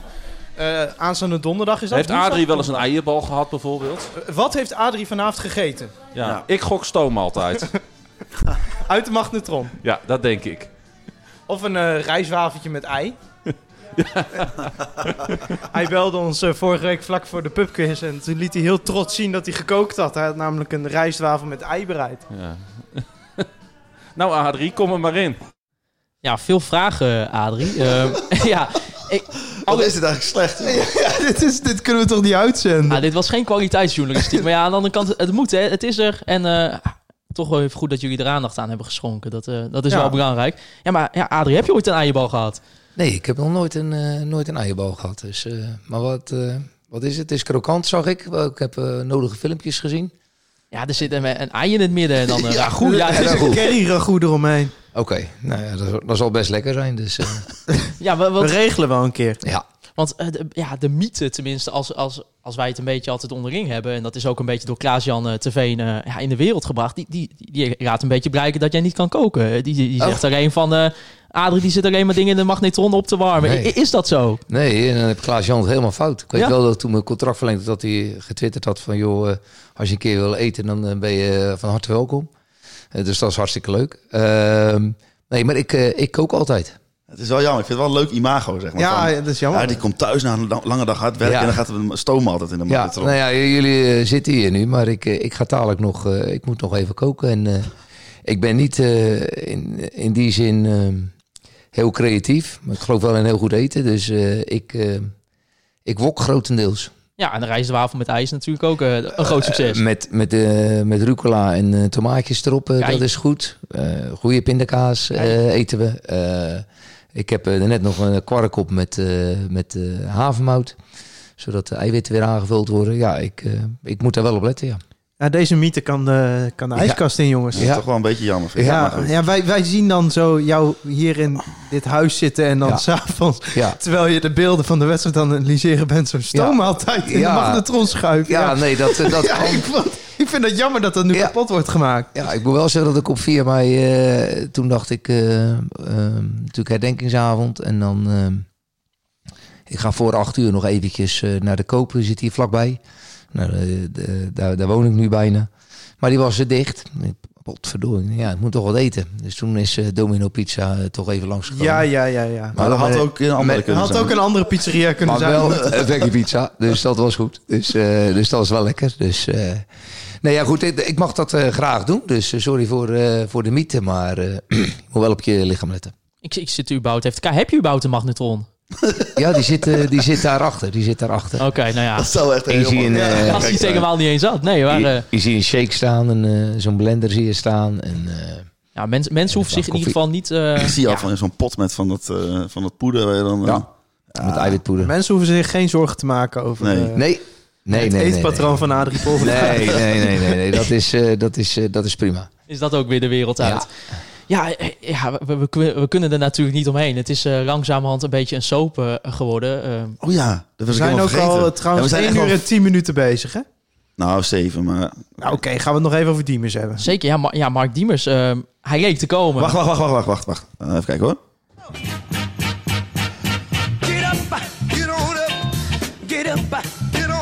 Ja, in de Pidonner van de Week eh, bespreken wij de persoon, organisatie, eh, vaak de KNVB eh, of de scheidsrechter, eh, aan wie wij ons het meest eh, gestoord hebben de afgelopen periode. Van Thijs mocht ik Mark Diemers niet uitroepen tot de Nee. Pidonner van de Week. Nee. En dat, Nee, maar dat- heeft hij een punt. Ik Ja. vind dat... Kijk, een Piedonder van de Week moet gewoon... Nou, eigenlijk Joey Coy is natuurlijk de allergrootste ooit geweest. Nee, Zwart en Jansma. Uh, Zwart en Jasma, eh Uh, architect. Tino geen en- smaad. eh. Ja, ja, ja, nou ja. Die Bekend hebben van de- andere problemen, geloof ik. Bekend van het AZ-stadion. ja, die moeten nog een stadion repareren ondertussen. Wij hadden ze ooit al gewaarschuwd, maar ja.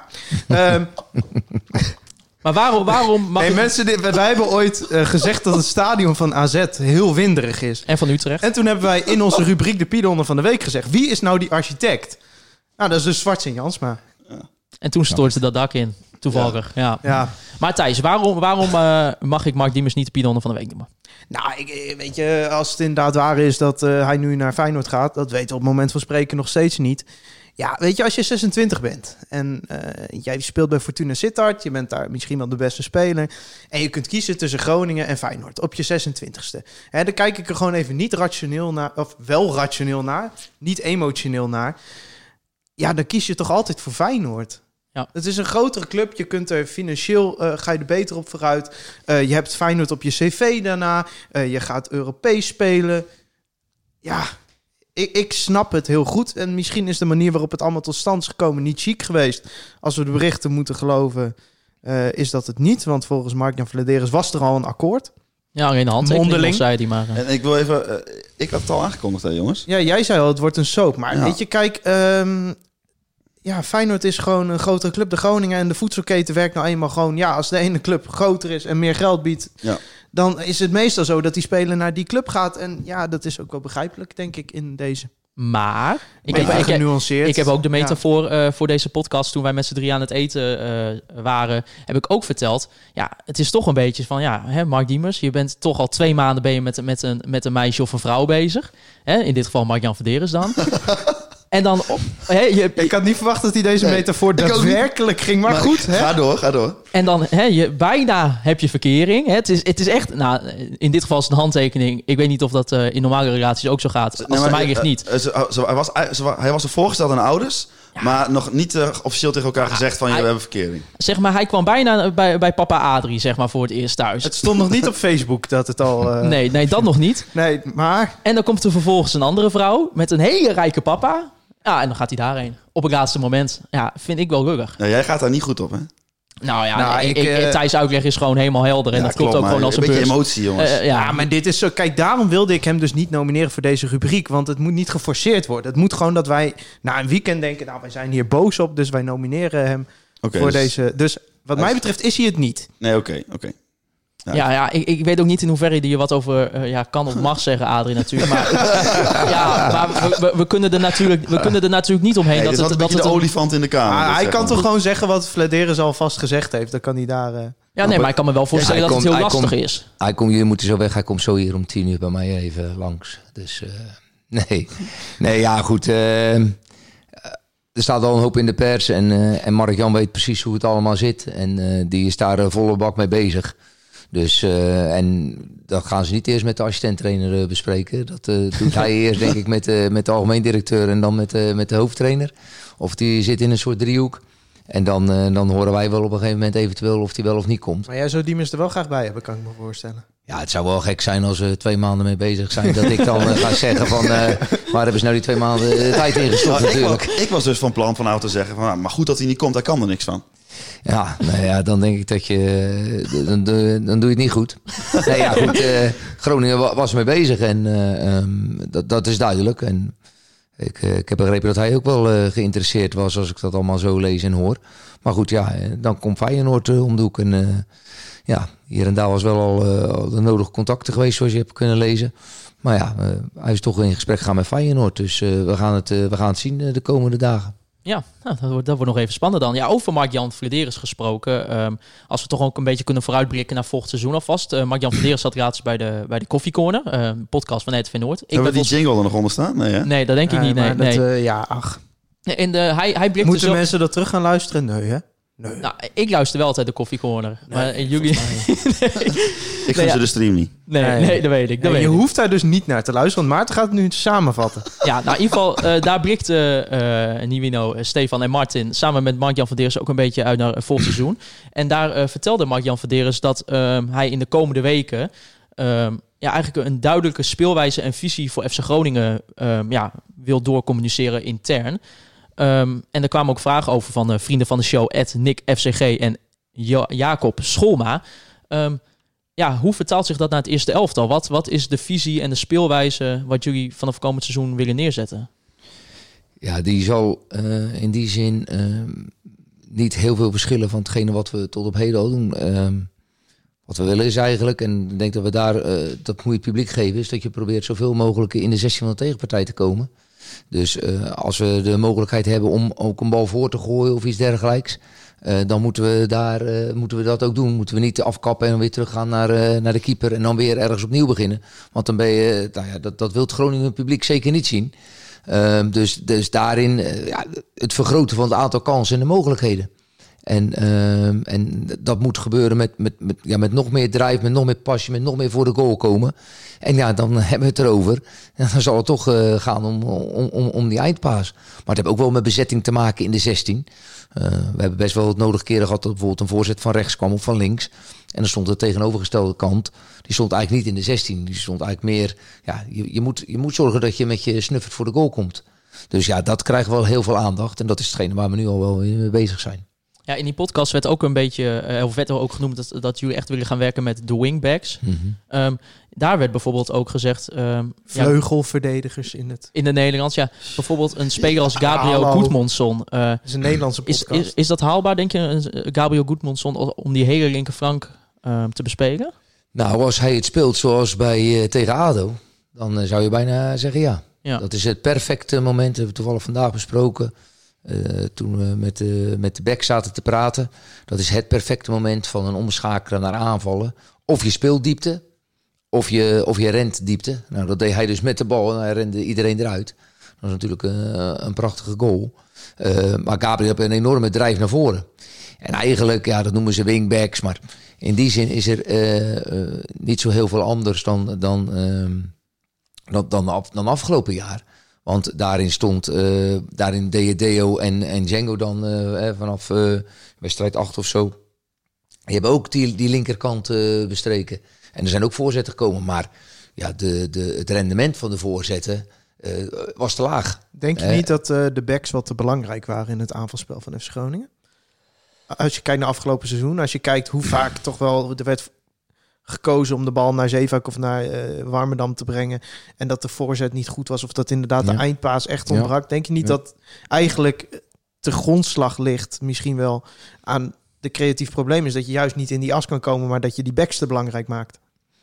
Oeh, dat weet ik niet. Want ja, als we, als we iets door de as kunnen doen. eh, De goal uit bij, eh, bij Vitesse met Messoudi en uh, Sierhuis. En dat dan de rebound eh schopt Azor hem erin. Dan, eh, dan, dan is die mogelijkheid daar. Eh Aiden uh, Roestic stond op een gegeven moment die toch in de as speelt. Grotendeels aan de binnenkant. Stond op, op een gegeven moment de meest gecreëerde, gecreëerde kansen en mogelijkheden. Eh, ehm, dus de mogelijkheid is om via de backs te gaan, maar ook door de as. Het is niet zo, jongens, we mogen alleen maar via de backs. Ja, maar ik wil door de as aanvallen. Nee, nee, nee, we doen. Maar daar ligt wel vaak de ruimte. Ja, maar het is ook wel vaak dat een bal inderdaad bij de backs, want daar ligt nou eenmaal de ruimte. Mhm. Eh, tegenwoordig toch wel vaak wordt er door teams wel voor gekozen om de meest buiten te spelen van nou laat die hoge voorzet maar komen, want dat Mhm. is makkelijker te verdedigen. Ja. Denk je dan niet dat juist omdat eh, zo de nadruk lag om die bal maar bij de backs te krijgen, omdat daar die ruimte lag, dat daardoor eigenlijk die aanval nooit tot een, tot een eind kwam, dat het echt daadwerkelijk een grote kans was? Hmm. Nou, dat, ja. Want ja, het is statistisch natuurlijk gewoon te onderbouwen dat hoge voorzetten eh, gewoon minder goed werkt. Ja. Maar wij waren niet zozeer eh, bezig met een hoge voorzet, omdat we nog eh, Peter Houtman in de spits hadden lopen of Harris Huizing. Nee. Eh, want die konden wel met hun kop. Ehm, maar wat we wel wilden is de goal bij Sparta uit. Ja. Met Zeefuiken die hem laag bereikt om een inlopende Loentquist. Dus je gaat, je gaat altijd 9 van 10 keer van links naar rechts. Want als je links bent, dan zegt de trainer van de tegenpartij... als op links opbouwt, jongens, dan kanteren wij allemaal naar rechts. Dat betekent dat de ruimte aan de andere kant ligt. Als we daar nou zo snel mogelijk kunnen komen... en dat deden we dus in die desbetreffende wedstrijd... dan moeten zij weer gaan lopen en dan staan er ruimtes... en dan speel je een bal binnendoor en dan komt daar een goal uit. Ehm, en en da- daar, daar moet je naartoe. Wij hebben niet getracht om hoge ballen te geven... omdat we dachten dat er dan eh, erin zou koppen of Postema... want die zijn, ja, die zijn niet zo... eh, die zijn Ja, natuurlijk maar ja, zo lang. d- er is natuurlijk in een aantal wedstrijden wel echt vaak voor gekozen. Ja, maar met name is er gekozen om proberen te zoeken naar een voorzet tussen de laatste lijn en de keeper. Waarbij een keeper niet durft te komen, waarbij een verdediger misschien in zijn... Ja, maar zijn dat situaties zeg maar wat eh, duurzaam is om genoeg goals te maken? Ja, dat denk ik wel. Want eh, als een tegenstander zich daar erg op gaat richten, wat gebeurt er dan? Ja, nou ja, dan komen de andere ruimtes weer Ja. vrij. Ja. En dan gaat het wel om keuzes. Ik heb het idee jullie over eh, nog gewoon, als we gewoon niet ingrijpen, dat we gewoon nog twee uur gaan aantekenen. Ja, op deze dat-. Ja, dat maakt, niet, dat maakt niet uit, joh. Nee, ik bedoel, ik heb drinken gehaald, dus eh daar komt het. Nee, maar dat, dat, dat, dat is het verhaal. Eh, ehm, nogmaals, eh, wat ik zeg, hoe vaak wij in het centrum van de tegenstander drie tegen twee gestaan hebben. Dus twee verdedigers van hun en drie aanvallers van ons. En dat dan net die bal er niet was.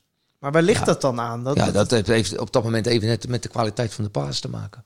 Maar is dat, ligt, kwam dat dan door de kwaliteit van die speler die op dat moment aan Nee, de dat, bal is? want het was, kijk, als deze speler is, dan kan je wisselen voor een andere. Dus het, het, het heeft eh, aan meerdere spelers gelegen om, om, om, om de eindpaas. En we hebben ook gewoon echt kansen gehad. Ja, die mogen er natuurlijk ook wel gewoon in. ja. Ik bedoel, en zeker op dit niveau, en zeker als je bij FC Groningen speelt. Nou ja, goed, dat moeten we ons allemaal verwijten. Dat, dat, eh, dat, dat, is, te, dat is te weinig gebeurd. Ja, het is eh, natuurlijk... We zijn nu vier maanden helemaal uit het voetbal weg. Ja. Maar het, het komt nu ineens allemaal weer terug. eh, Ja. ja. Ja. Ja, het doet pijn. Nee, nee ik, ik, ik, Nou vond, ja. ik vond dit geen vervelend seizoen. Toen je dus, eh, Sparta begon, toen, dat, daar was ik bij. Eh, Ja. dat was een leuke uitwedstrijd. dat doet met name pijn aan jouw leven, denk ik, als je Ja. daaraan terugdenkt. De eerste helft was, eh, was toen heel erg goed. Toen eh, zag jij mij nog, toen rende je nog Ja. helemaal vanuit de middencirkel naar me toe. Ja, Wat is die gek nou aan het doen? ja dat was, eh, klopte toen Mochten we elkaar nog een hand geven? Dat was toen nog, eh, ja, dat kon toen nog in Andere die periode. tijden. Ja. Toen was ik nog naar carnaval toe. eh, dat was die wedstrijd. Oei. Ja, heb ik, nog- ja, heb, ik, heb de, ik heb de eerste helft nog op tv En, zitten kijken. Ik was nog op wintersport, ja. Ja. Ja. Ja. Ja, hij was alleen. Toen Nou, kon dat allemaal nog. Hè? Ja. Je. Dat is Over, de, over de selectie was nog wel eh, eh, een laatste vraag eigenlijk. En die kwam van eh, zowel Kastian Oudman en Jorik Voornhout. Vrienden van de show trouwens natuurlijk. En ja, die hadden een beetje interesse in eh, eh, Niklas Stronk-Jacobsen. Ehm, en zij vroegen beide eigenlijk... Krijgt Stronk volgend jaar de kans om als rechtervleugelverdediger te spelen? Of wordt hij meer gezien als een centrale middenvelder? En ja, ja, ik zou die vraag misschien iets breder willen trekken. Want het is toch een beetje een jongen waar, waar, waar we relatief als supporters weinig van weten. Hm. Ehm, hoe, hoe zien jullie zijn positie en zijn ontwikkeling van het afgelopen Ja, ja, jaar? ontwikkeling die is eh, zeker positief. Die is, eh, die, eh, die is ten, ten opzichte van hoe die kwam, is die, ja, heeft hij zich behoorlijk ontwikkeld. En, en de focus ligt wel met name op de, op de rechterkant. Op de rechterkant en niet op het, eh, op het middenveld. Maar daar heeft hij ook wel gespeeld en dat kan hij ook. Maar de focus ligt met name met zijn drive en met, met zijn voorzet op de, op, de, op de rechterkant en zijn fysieke gesteldheid. Dus dat is wel, eh, da- daar ligt in ieder geval wel de focus. Denk je dat, mocht Zevenhuik vertrekken, dat, zou je dan hem toevertrouwen om als eerste rechtsback? Ja, d- dat is in ieder geval niet, niet aan mij, dat begrijp je natuurlijk Ja, ook wel. maar- Maar... hij zit wel in de selectie van Groningen en hij richt zich wel op die positie. Ja, maar aan het begin van het jaar, eh, van afgelopen seizoen, had je denk ik makkelijker kunnen zeggen, nee, dat is nog niet, dat is nog niet eh, de tijd voor. Maar nu wel. Nee, toen, eh, toen was er wel een, een wezenlijk verschil en daarin heeft hij zich nu wel ontwikkeld. Of dat voldoende is dan... Kijk, dat ze Danny wel eens... Je hebt ook soms spelers die, waarvan je het dan soms niet verwacht. Ja, Of juist wel. En dan valt het tegen. Maar soms moeten mensen ook gewoon een kans geven. En dan gaan ze ineens spelen. En denk je, potverdorie, die kan aardig. Ik bedoel, Sam Schrek speelde natuurlijk ehm, wedstrijd 3. Omdat Doan toen niet kon spelen, moest ineens Sam erop. Was een van zijn beter, zo niet wel zijn beste wedstrijd tegen AZ. En toen moest hij natuurlijk een week later tegen Heracles. En, eh, en toen was het ineens een, eh, een stuk minder. Maar je kan mensen alleen maar beoordelen op een gegeven moment als ze Nou gaan ja, spelen. Assoro tegen Vitesse was natuurlijk ook een beetje een Ja. noodgreep uiteindelijk. Ja, nou ja, en dan als je het dan natuurlijk zo invult, dan is dat natuurlijk weer prettig. Ja, Dan hoop je natuurlijk dat dat Ja. een vervolg krijgt. Ja, dat is dan Ik wel vond- weer. Ik vond zelf wat met handwerken. Dat seizoen ervoor wel een goed voorbeeld. Want aan het begin riep iedereen die kan er niks van. Maar die, dan, Nee. dan speelde hij een paar Ja. wedstrijden. Op een gegeven moment kon je hem niet meer wegdenken op links. Nee. nee. Het nee. was eigenlijk, iedereen was eigenlijk wel, vond eigenlijk heel Nou jammer ja, dat hij wegging. eh, Ja, zeker. Kijk Daniel van Kaan. Die stond er ook maar gewoon ineens. Ja. En die zou je nu ook... Ja, dat was bij eh, Emmen en toen kwam er wat. En hij wilde daar wat meer creativiteit hebben en dergelijke. Nou, we gaan toch eh, Van Kamer erop te zetten. En nou, dat, dat, ging, dat ging hartstikke goed. En die kans die zij kregen, dat was ook wel een balverlies van Daniel. En die Ja. ging er toen in en pakte Sergio goed. En toen nog een kans daarna. Kijk, en dat moet je soms ook net eventjes mee hebben. Ja, hetzelfde als dat eh, Romano in die wedstrijd tegen Vitesse, dat die eventjes flink onderuit gekegeld wordt. Ja, Dat zei uh, Flederis tegen ons in, ons in die podcast met hem van ja, dan gaat Romano toch eh, de volgende week die trainingweek in van nou, aan de bak moet ja, ik. ja, nee, absoluut. Dus dan, dan, dan, ja, dan, dan betaal je leergeld. En, ehm, Die heb je van en, Danny. hè? Die heb je van Danny. Wat leergeld? Nee, dat weet ik niet hoor. Dat geloof ik one-liner niet. van Danny. Nee, maar dat is wel, eh, en dat is wel het geval. Ik, ik weet nog wel, wij hadden bij Excelsior Thomas Buffel. Eh, misschien eh, bekend bij jullie of niet. Belgische, eh, ja. Ja, ja, en ja, eh, ja. Thomas Buffel speelde bij Feyenoord. En die, ehm, die speelde toen bij Feyenoord uit bij Venebatje. En toen liepen de heren Ferry de Haan, eh, Robin van Persie en eh, Thomas Buffel liepen warm. En toen was Van Marwijk weggestuurd door de scheidsrechter. Dus op de bank zaten John Metgod en Mario Been. Was dat het jaar dat ze de UEFA Cup wonnen? Nee, dat was het jaar daarna. Oké. Het jaar daarna. En toen ehm deze de warming-up. En toen, ja, Van Persie, die lag toen, had toen wat probleempjes met de club.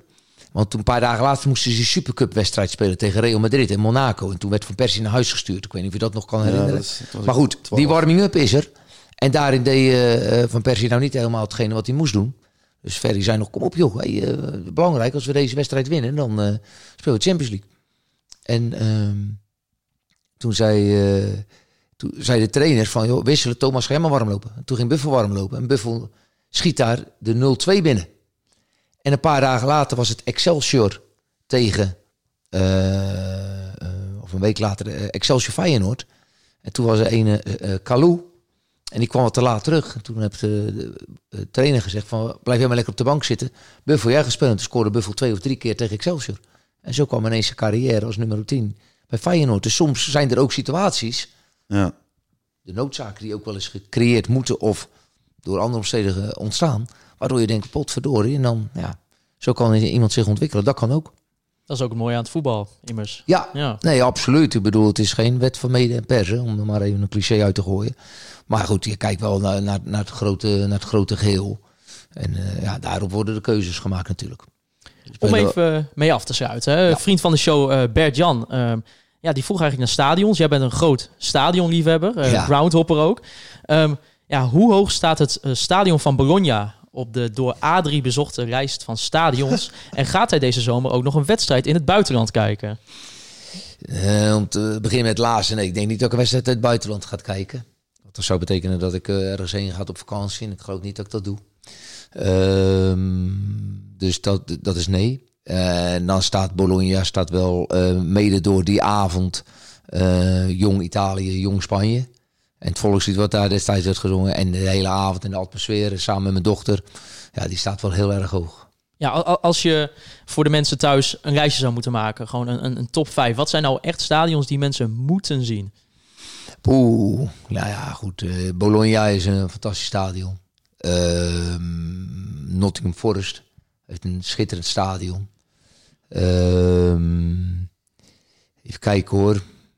Ik ben bij Solihull Moors geweest. Dat is eigenlijk geen stadion, dat is een soort uh, veredelde amateurclub in de Nations League. Maar ja, wel fantastisch.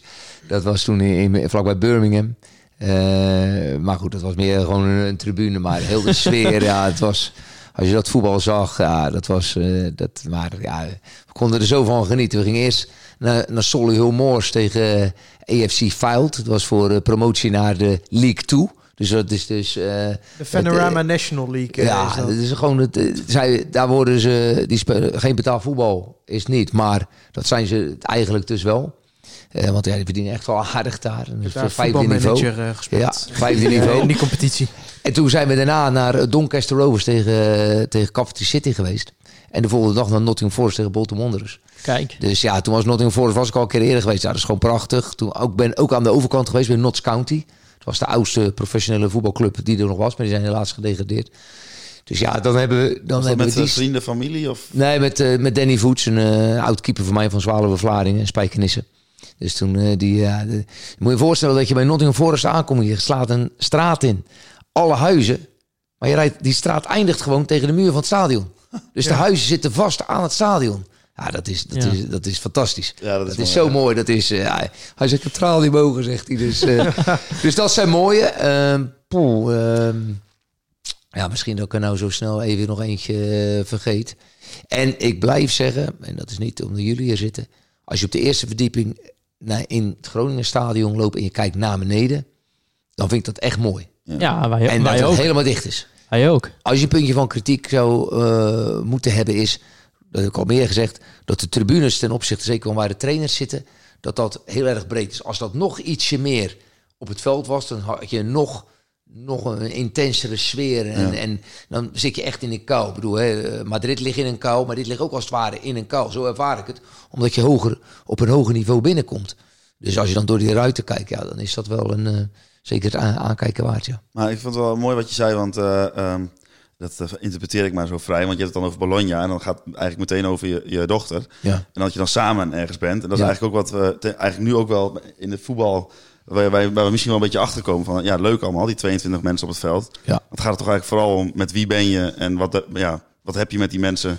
Ja. En dat maakt zo'n voetbalclub of zo'n wedstrijdervaring, maakt dat, dat maakt het. Ja, zeker als je natuurlijk elders gaat. En dat, eh, ik ben geen eh diehard supporter van Bologna of een, eh, of, een- of een diehard supporter van, eh, van ja, een andere club in het buitenland. Maar Dus dan heb je inderdaad dat je in een ander land bent. eh, je ziet daar de beleving. eh, inderdaad met de personen met wie je bent. eh, de avond. Dan ook nog type wedstrijd. hè, onder 21 eh, Italië, Spanje. Dat zijn ook niet... eh, het is geen Wit-Rusland tegen, tegen Albanië.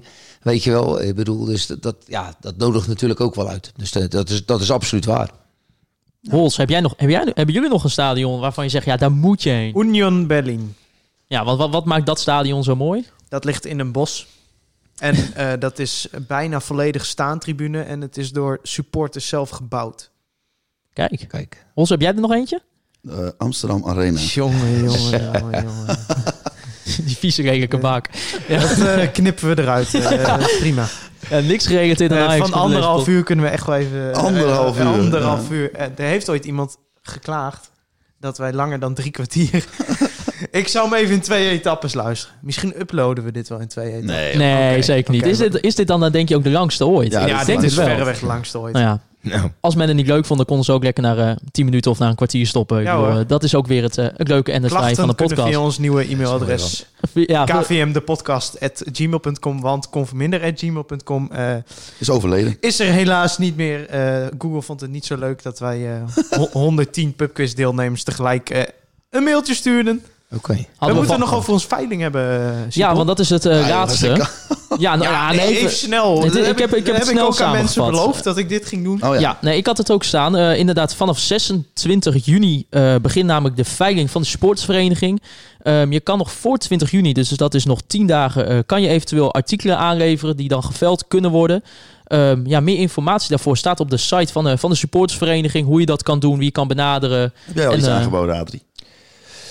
Ja, ik, zie, ik, weet- ik heb nog niet het idee dat mensen... Ga jij iets, voor eh, iemand mij, eh, koken een avond? Ja, of, eh, misschien, massage? Dat, misschien dat er wel gewoon een paar mensen willen betalen... voor dat jij eh, een paar wedstrijden komt analyseren... van nou, eh, hoe je dat doet met de spelers. Misschien vinden dat, is dat wel een goed idee. Wij hebben wel ik, iets eh, aangeboden. ik, eh, en dat is? Ja, dit is echt nou heel, ja, heel, wij, heel, wij mogen dit bekendmaken. Nou, dit is gênant. Wij vonden gênant, dit ja. eigenlijk, maar wij zijn ook een beetje overtuigd door Sjoerd-Jan Gispen, een van de organisatoren van de veiling. Die heeft al een wat, nou die kan heel goed jou overtuigen. Dus, Dat is ook eh, zijn werk volgens mij. Dat is ook zijn werk inderdaad. Maar ja, ja, Hij is overtuiger. ja, ik vind, ja, maar ik vind dit Ja, wel... wij gaan een plek in de podcast van. Ja, wij gaan een podcast. Daar kun je, je kunt bij ons te gast komen als je die veiling wint. En ik ben dus een beetje bang Vijf euro max. dat niemand, nou dat gewoon niemand gaat bieden dat hij uiteindelijk voor één cent weggaat, omdat iemand denkt, nou toch zielig voor die. Ja, maar dat doe je toch? Je gaat toch ook niet bieden om hier... Nee, maar oh, eh, het is ook alsof het eh, iets heel exclusief. Wij hebben ook echt wel even getwijfeld of we dat wel zouden doen, maar Maar eh, ook, het is, het is, ook, wel een stukje valse bescheidenheid. Dat is hartstikke leuk om in Het- gast te zijn. het is- Toch, Adrie? Ik uh, was eigenlijk bij jou te gast, maar- Zeker weten. Nou, op het eerste, als, je- als ik iets kan doen wat, eh, wat bijdraagt tot, dan, eh, dan weet je mij te vinden. Dus eh, ik bedoel, ik eh, wil zeker iets, eh, iets doen. Dus eh, bij deze moeten jullie dan maar even verzinnen wat het misschien zou gaan worden. Dus dat is één. Gaan wij verzinnen, hier kom je niet meer vanaf. hè? Nee, maar als het maar binnen de, binnen de normale kaders is. Ja, ja, ja. En twee, denk ik, ehm, nou misschien wel valse bescheidenheid, Wouter, maar ik denk dat jullie wel door moeten gaan met hetgene wat je moet doen. En dat is verbinden en, en, en, en, en de, ja, de liefde voor Groningen en wat het wat voor jullie betekent. En proberen mensen daartoe te, te enthousiasmeren. En, eh, en of je dat dan doet met, eh, met, met wie daar in het programma zit, dat maakt niet uit. Maar ik denk dat jullie daar wel eh, een, een hele verbindende factor in hebben. En dat je dat ook steeds wel moet proberen uit te blijven dragen. Dat moet je echt. Dat gezegd aanraden. wil je hier onderdeel van uitmaken van deze podcast? ja. Ja, je, kunt het, je kunt erop bieden, je kunt Ja, je letterlijk kan- inkopen. Je kan, Ja, je ook word- vooral, je kan Maar ook vooral geld bieden op voetbalschoenen voor Virgil van Ja, Dijk. ik, en ik, zou, ik zou persoonlijk dat eerder doen, maar eh, nou, dat is ook omdat ik hoef mijn plek hier niet in te kopen, gelukkig. Eh, maar- Daar het eens over moeten hebben precies. Misschien dat je ook een veiling kan doen dat je iemand van jullie drie kan uitkopen. Misschien dat toch heel veel geld Ja, dit, dit is een veel beter idee. Ja, ja, nou ja, eh, overleg Maar met eh, dus eh, volgens mij online veilingmeester of, of zo heet dat bedrijf, daar wordt Ja, het gedaan. het- Het is allemaal op de site van de sportsvereniging te vinden. En eh, nou ja, Zal ik wel wij bieden site. dat gewoon aan. Het is uiteindelijk, het gaat naar de club toe of in ieder geval naar die stichting toe. Dus daar maakt het niets voor uit wat wij ervan En er is ook nog een camping of zo, hè? Ja, er is ook een In camping. die kerk, in die kerk. Ja, ja, ja. Ja, Die kerk staat weer op de kaart. ja daar, gaan, daar gaan wij toch ook heen. Daar gaan wij. Ja, wij daar gaan gaan naar die camping Ja, toe. Gaan ja, we- zeker. Dat zijn de dingen die je inderdaad moet doen, ja. Ja, wij gaan naar die camping. Eh, Oké, Maarten, eh, ik zie 1 uur 33, eh, nee, ja, 33 minuten en 54 seconden. Ik denk dat het... Over gênant gesproken, Ja. inderdaad. Ja, ja Adrie, bedankt eh, ja, voor je komst. Of eigenlijk dat wij eh, hier in jouw huiskamer mochten gaan eh, zitten om lekker te podcasten met jou. Ja, bedankt voor de uitnodiging. Hartstikke leuk. Helemaal goed. Ja, jullie, jullie kunnen allemaal eh Conforminder de podcast volgen op eh, Spotify, Apple Podcast en Soundcloud. Jullie kunnen mij persoonlijk volgen op Twitter, maarten-siepel, thijs-faber, holzappel en A3 Poldervaart. Drietje A3, het cijfer Poldervaart. En dan eh, ja, natuurlijk nog even Free Westerhof en Mark Pepping bedankt voor de intro en outro En eh, James Brown voor de Piet Honda Hij, jingle. hij mocht weer eens, hij mocht weer eens. En dan wil ik als laatste jullie natuurlijk allemaal bedanken voor het luisteren naar Conforminder de podcast. Juichen wij als Groningen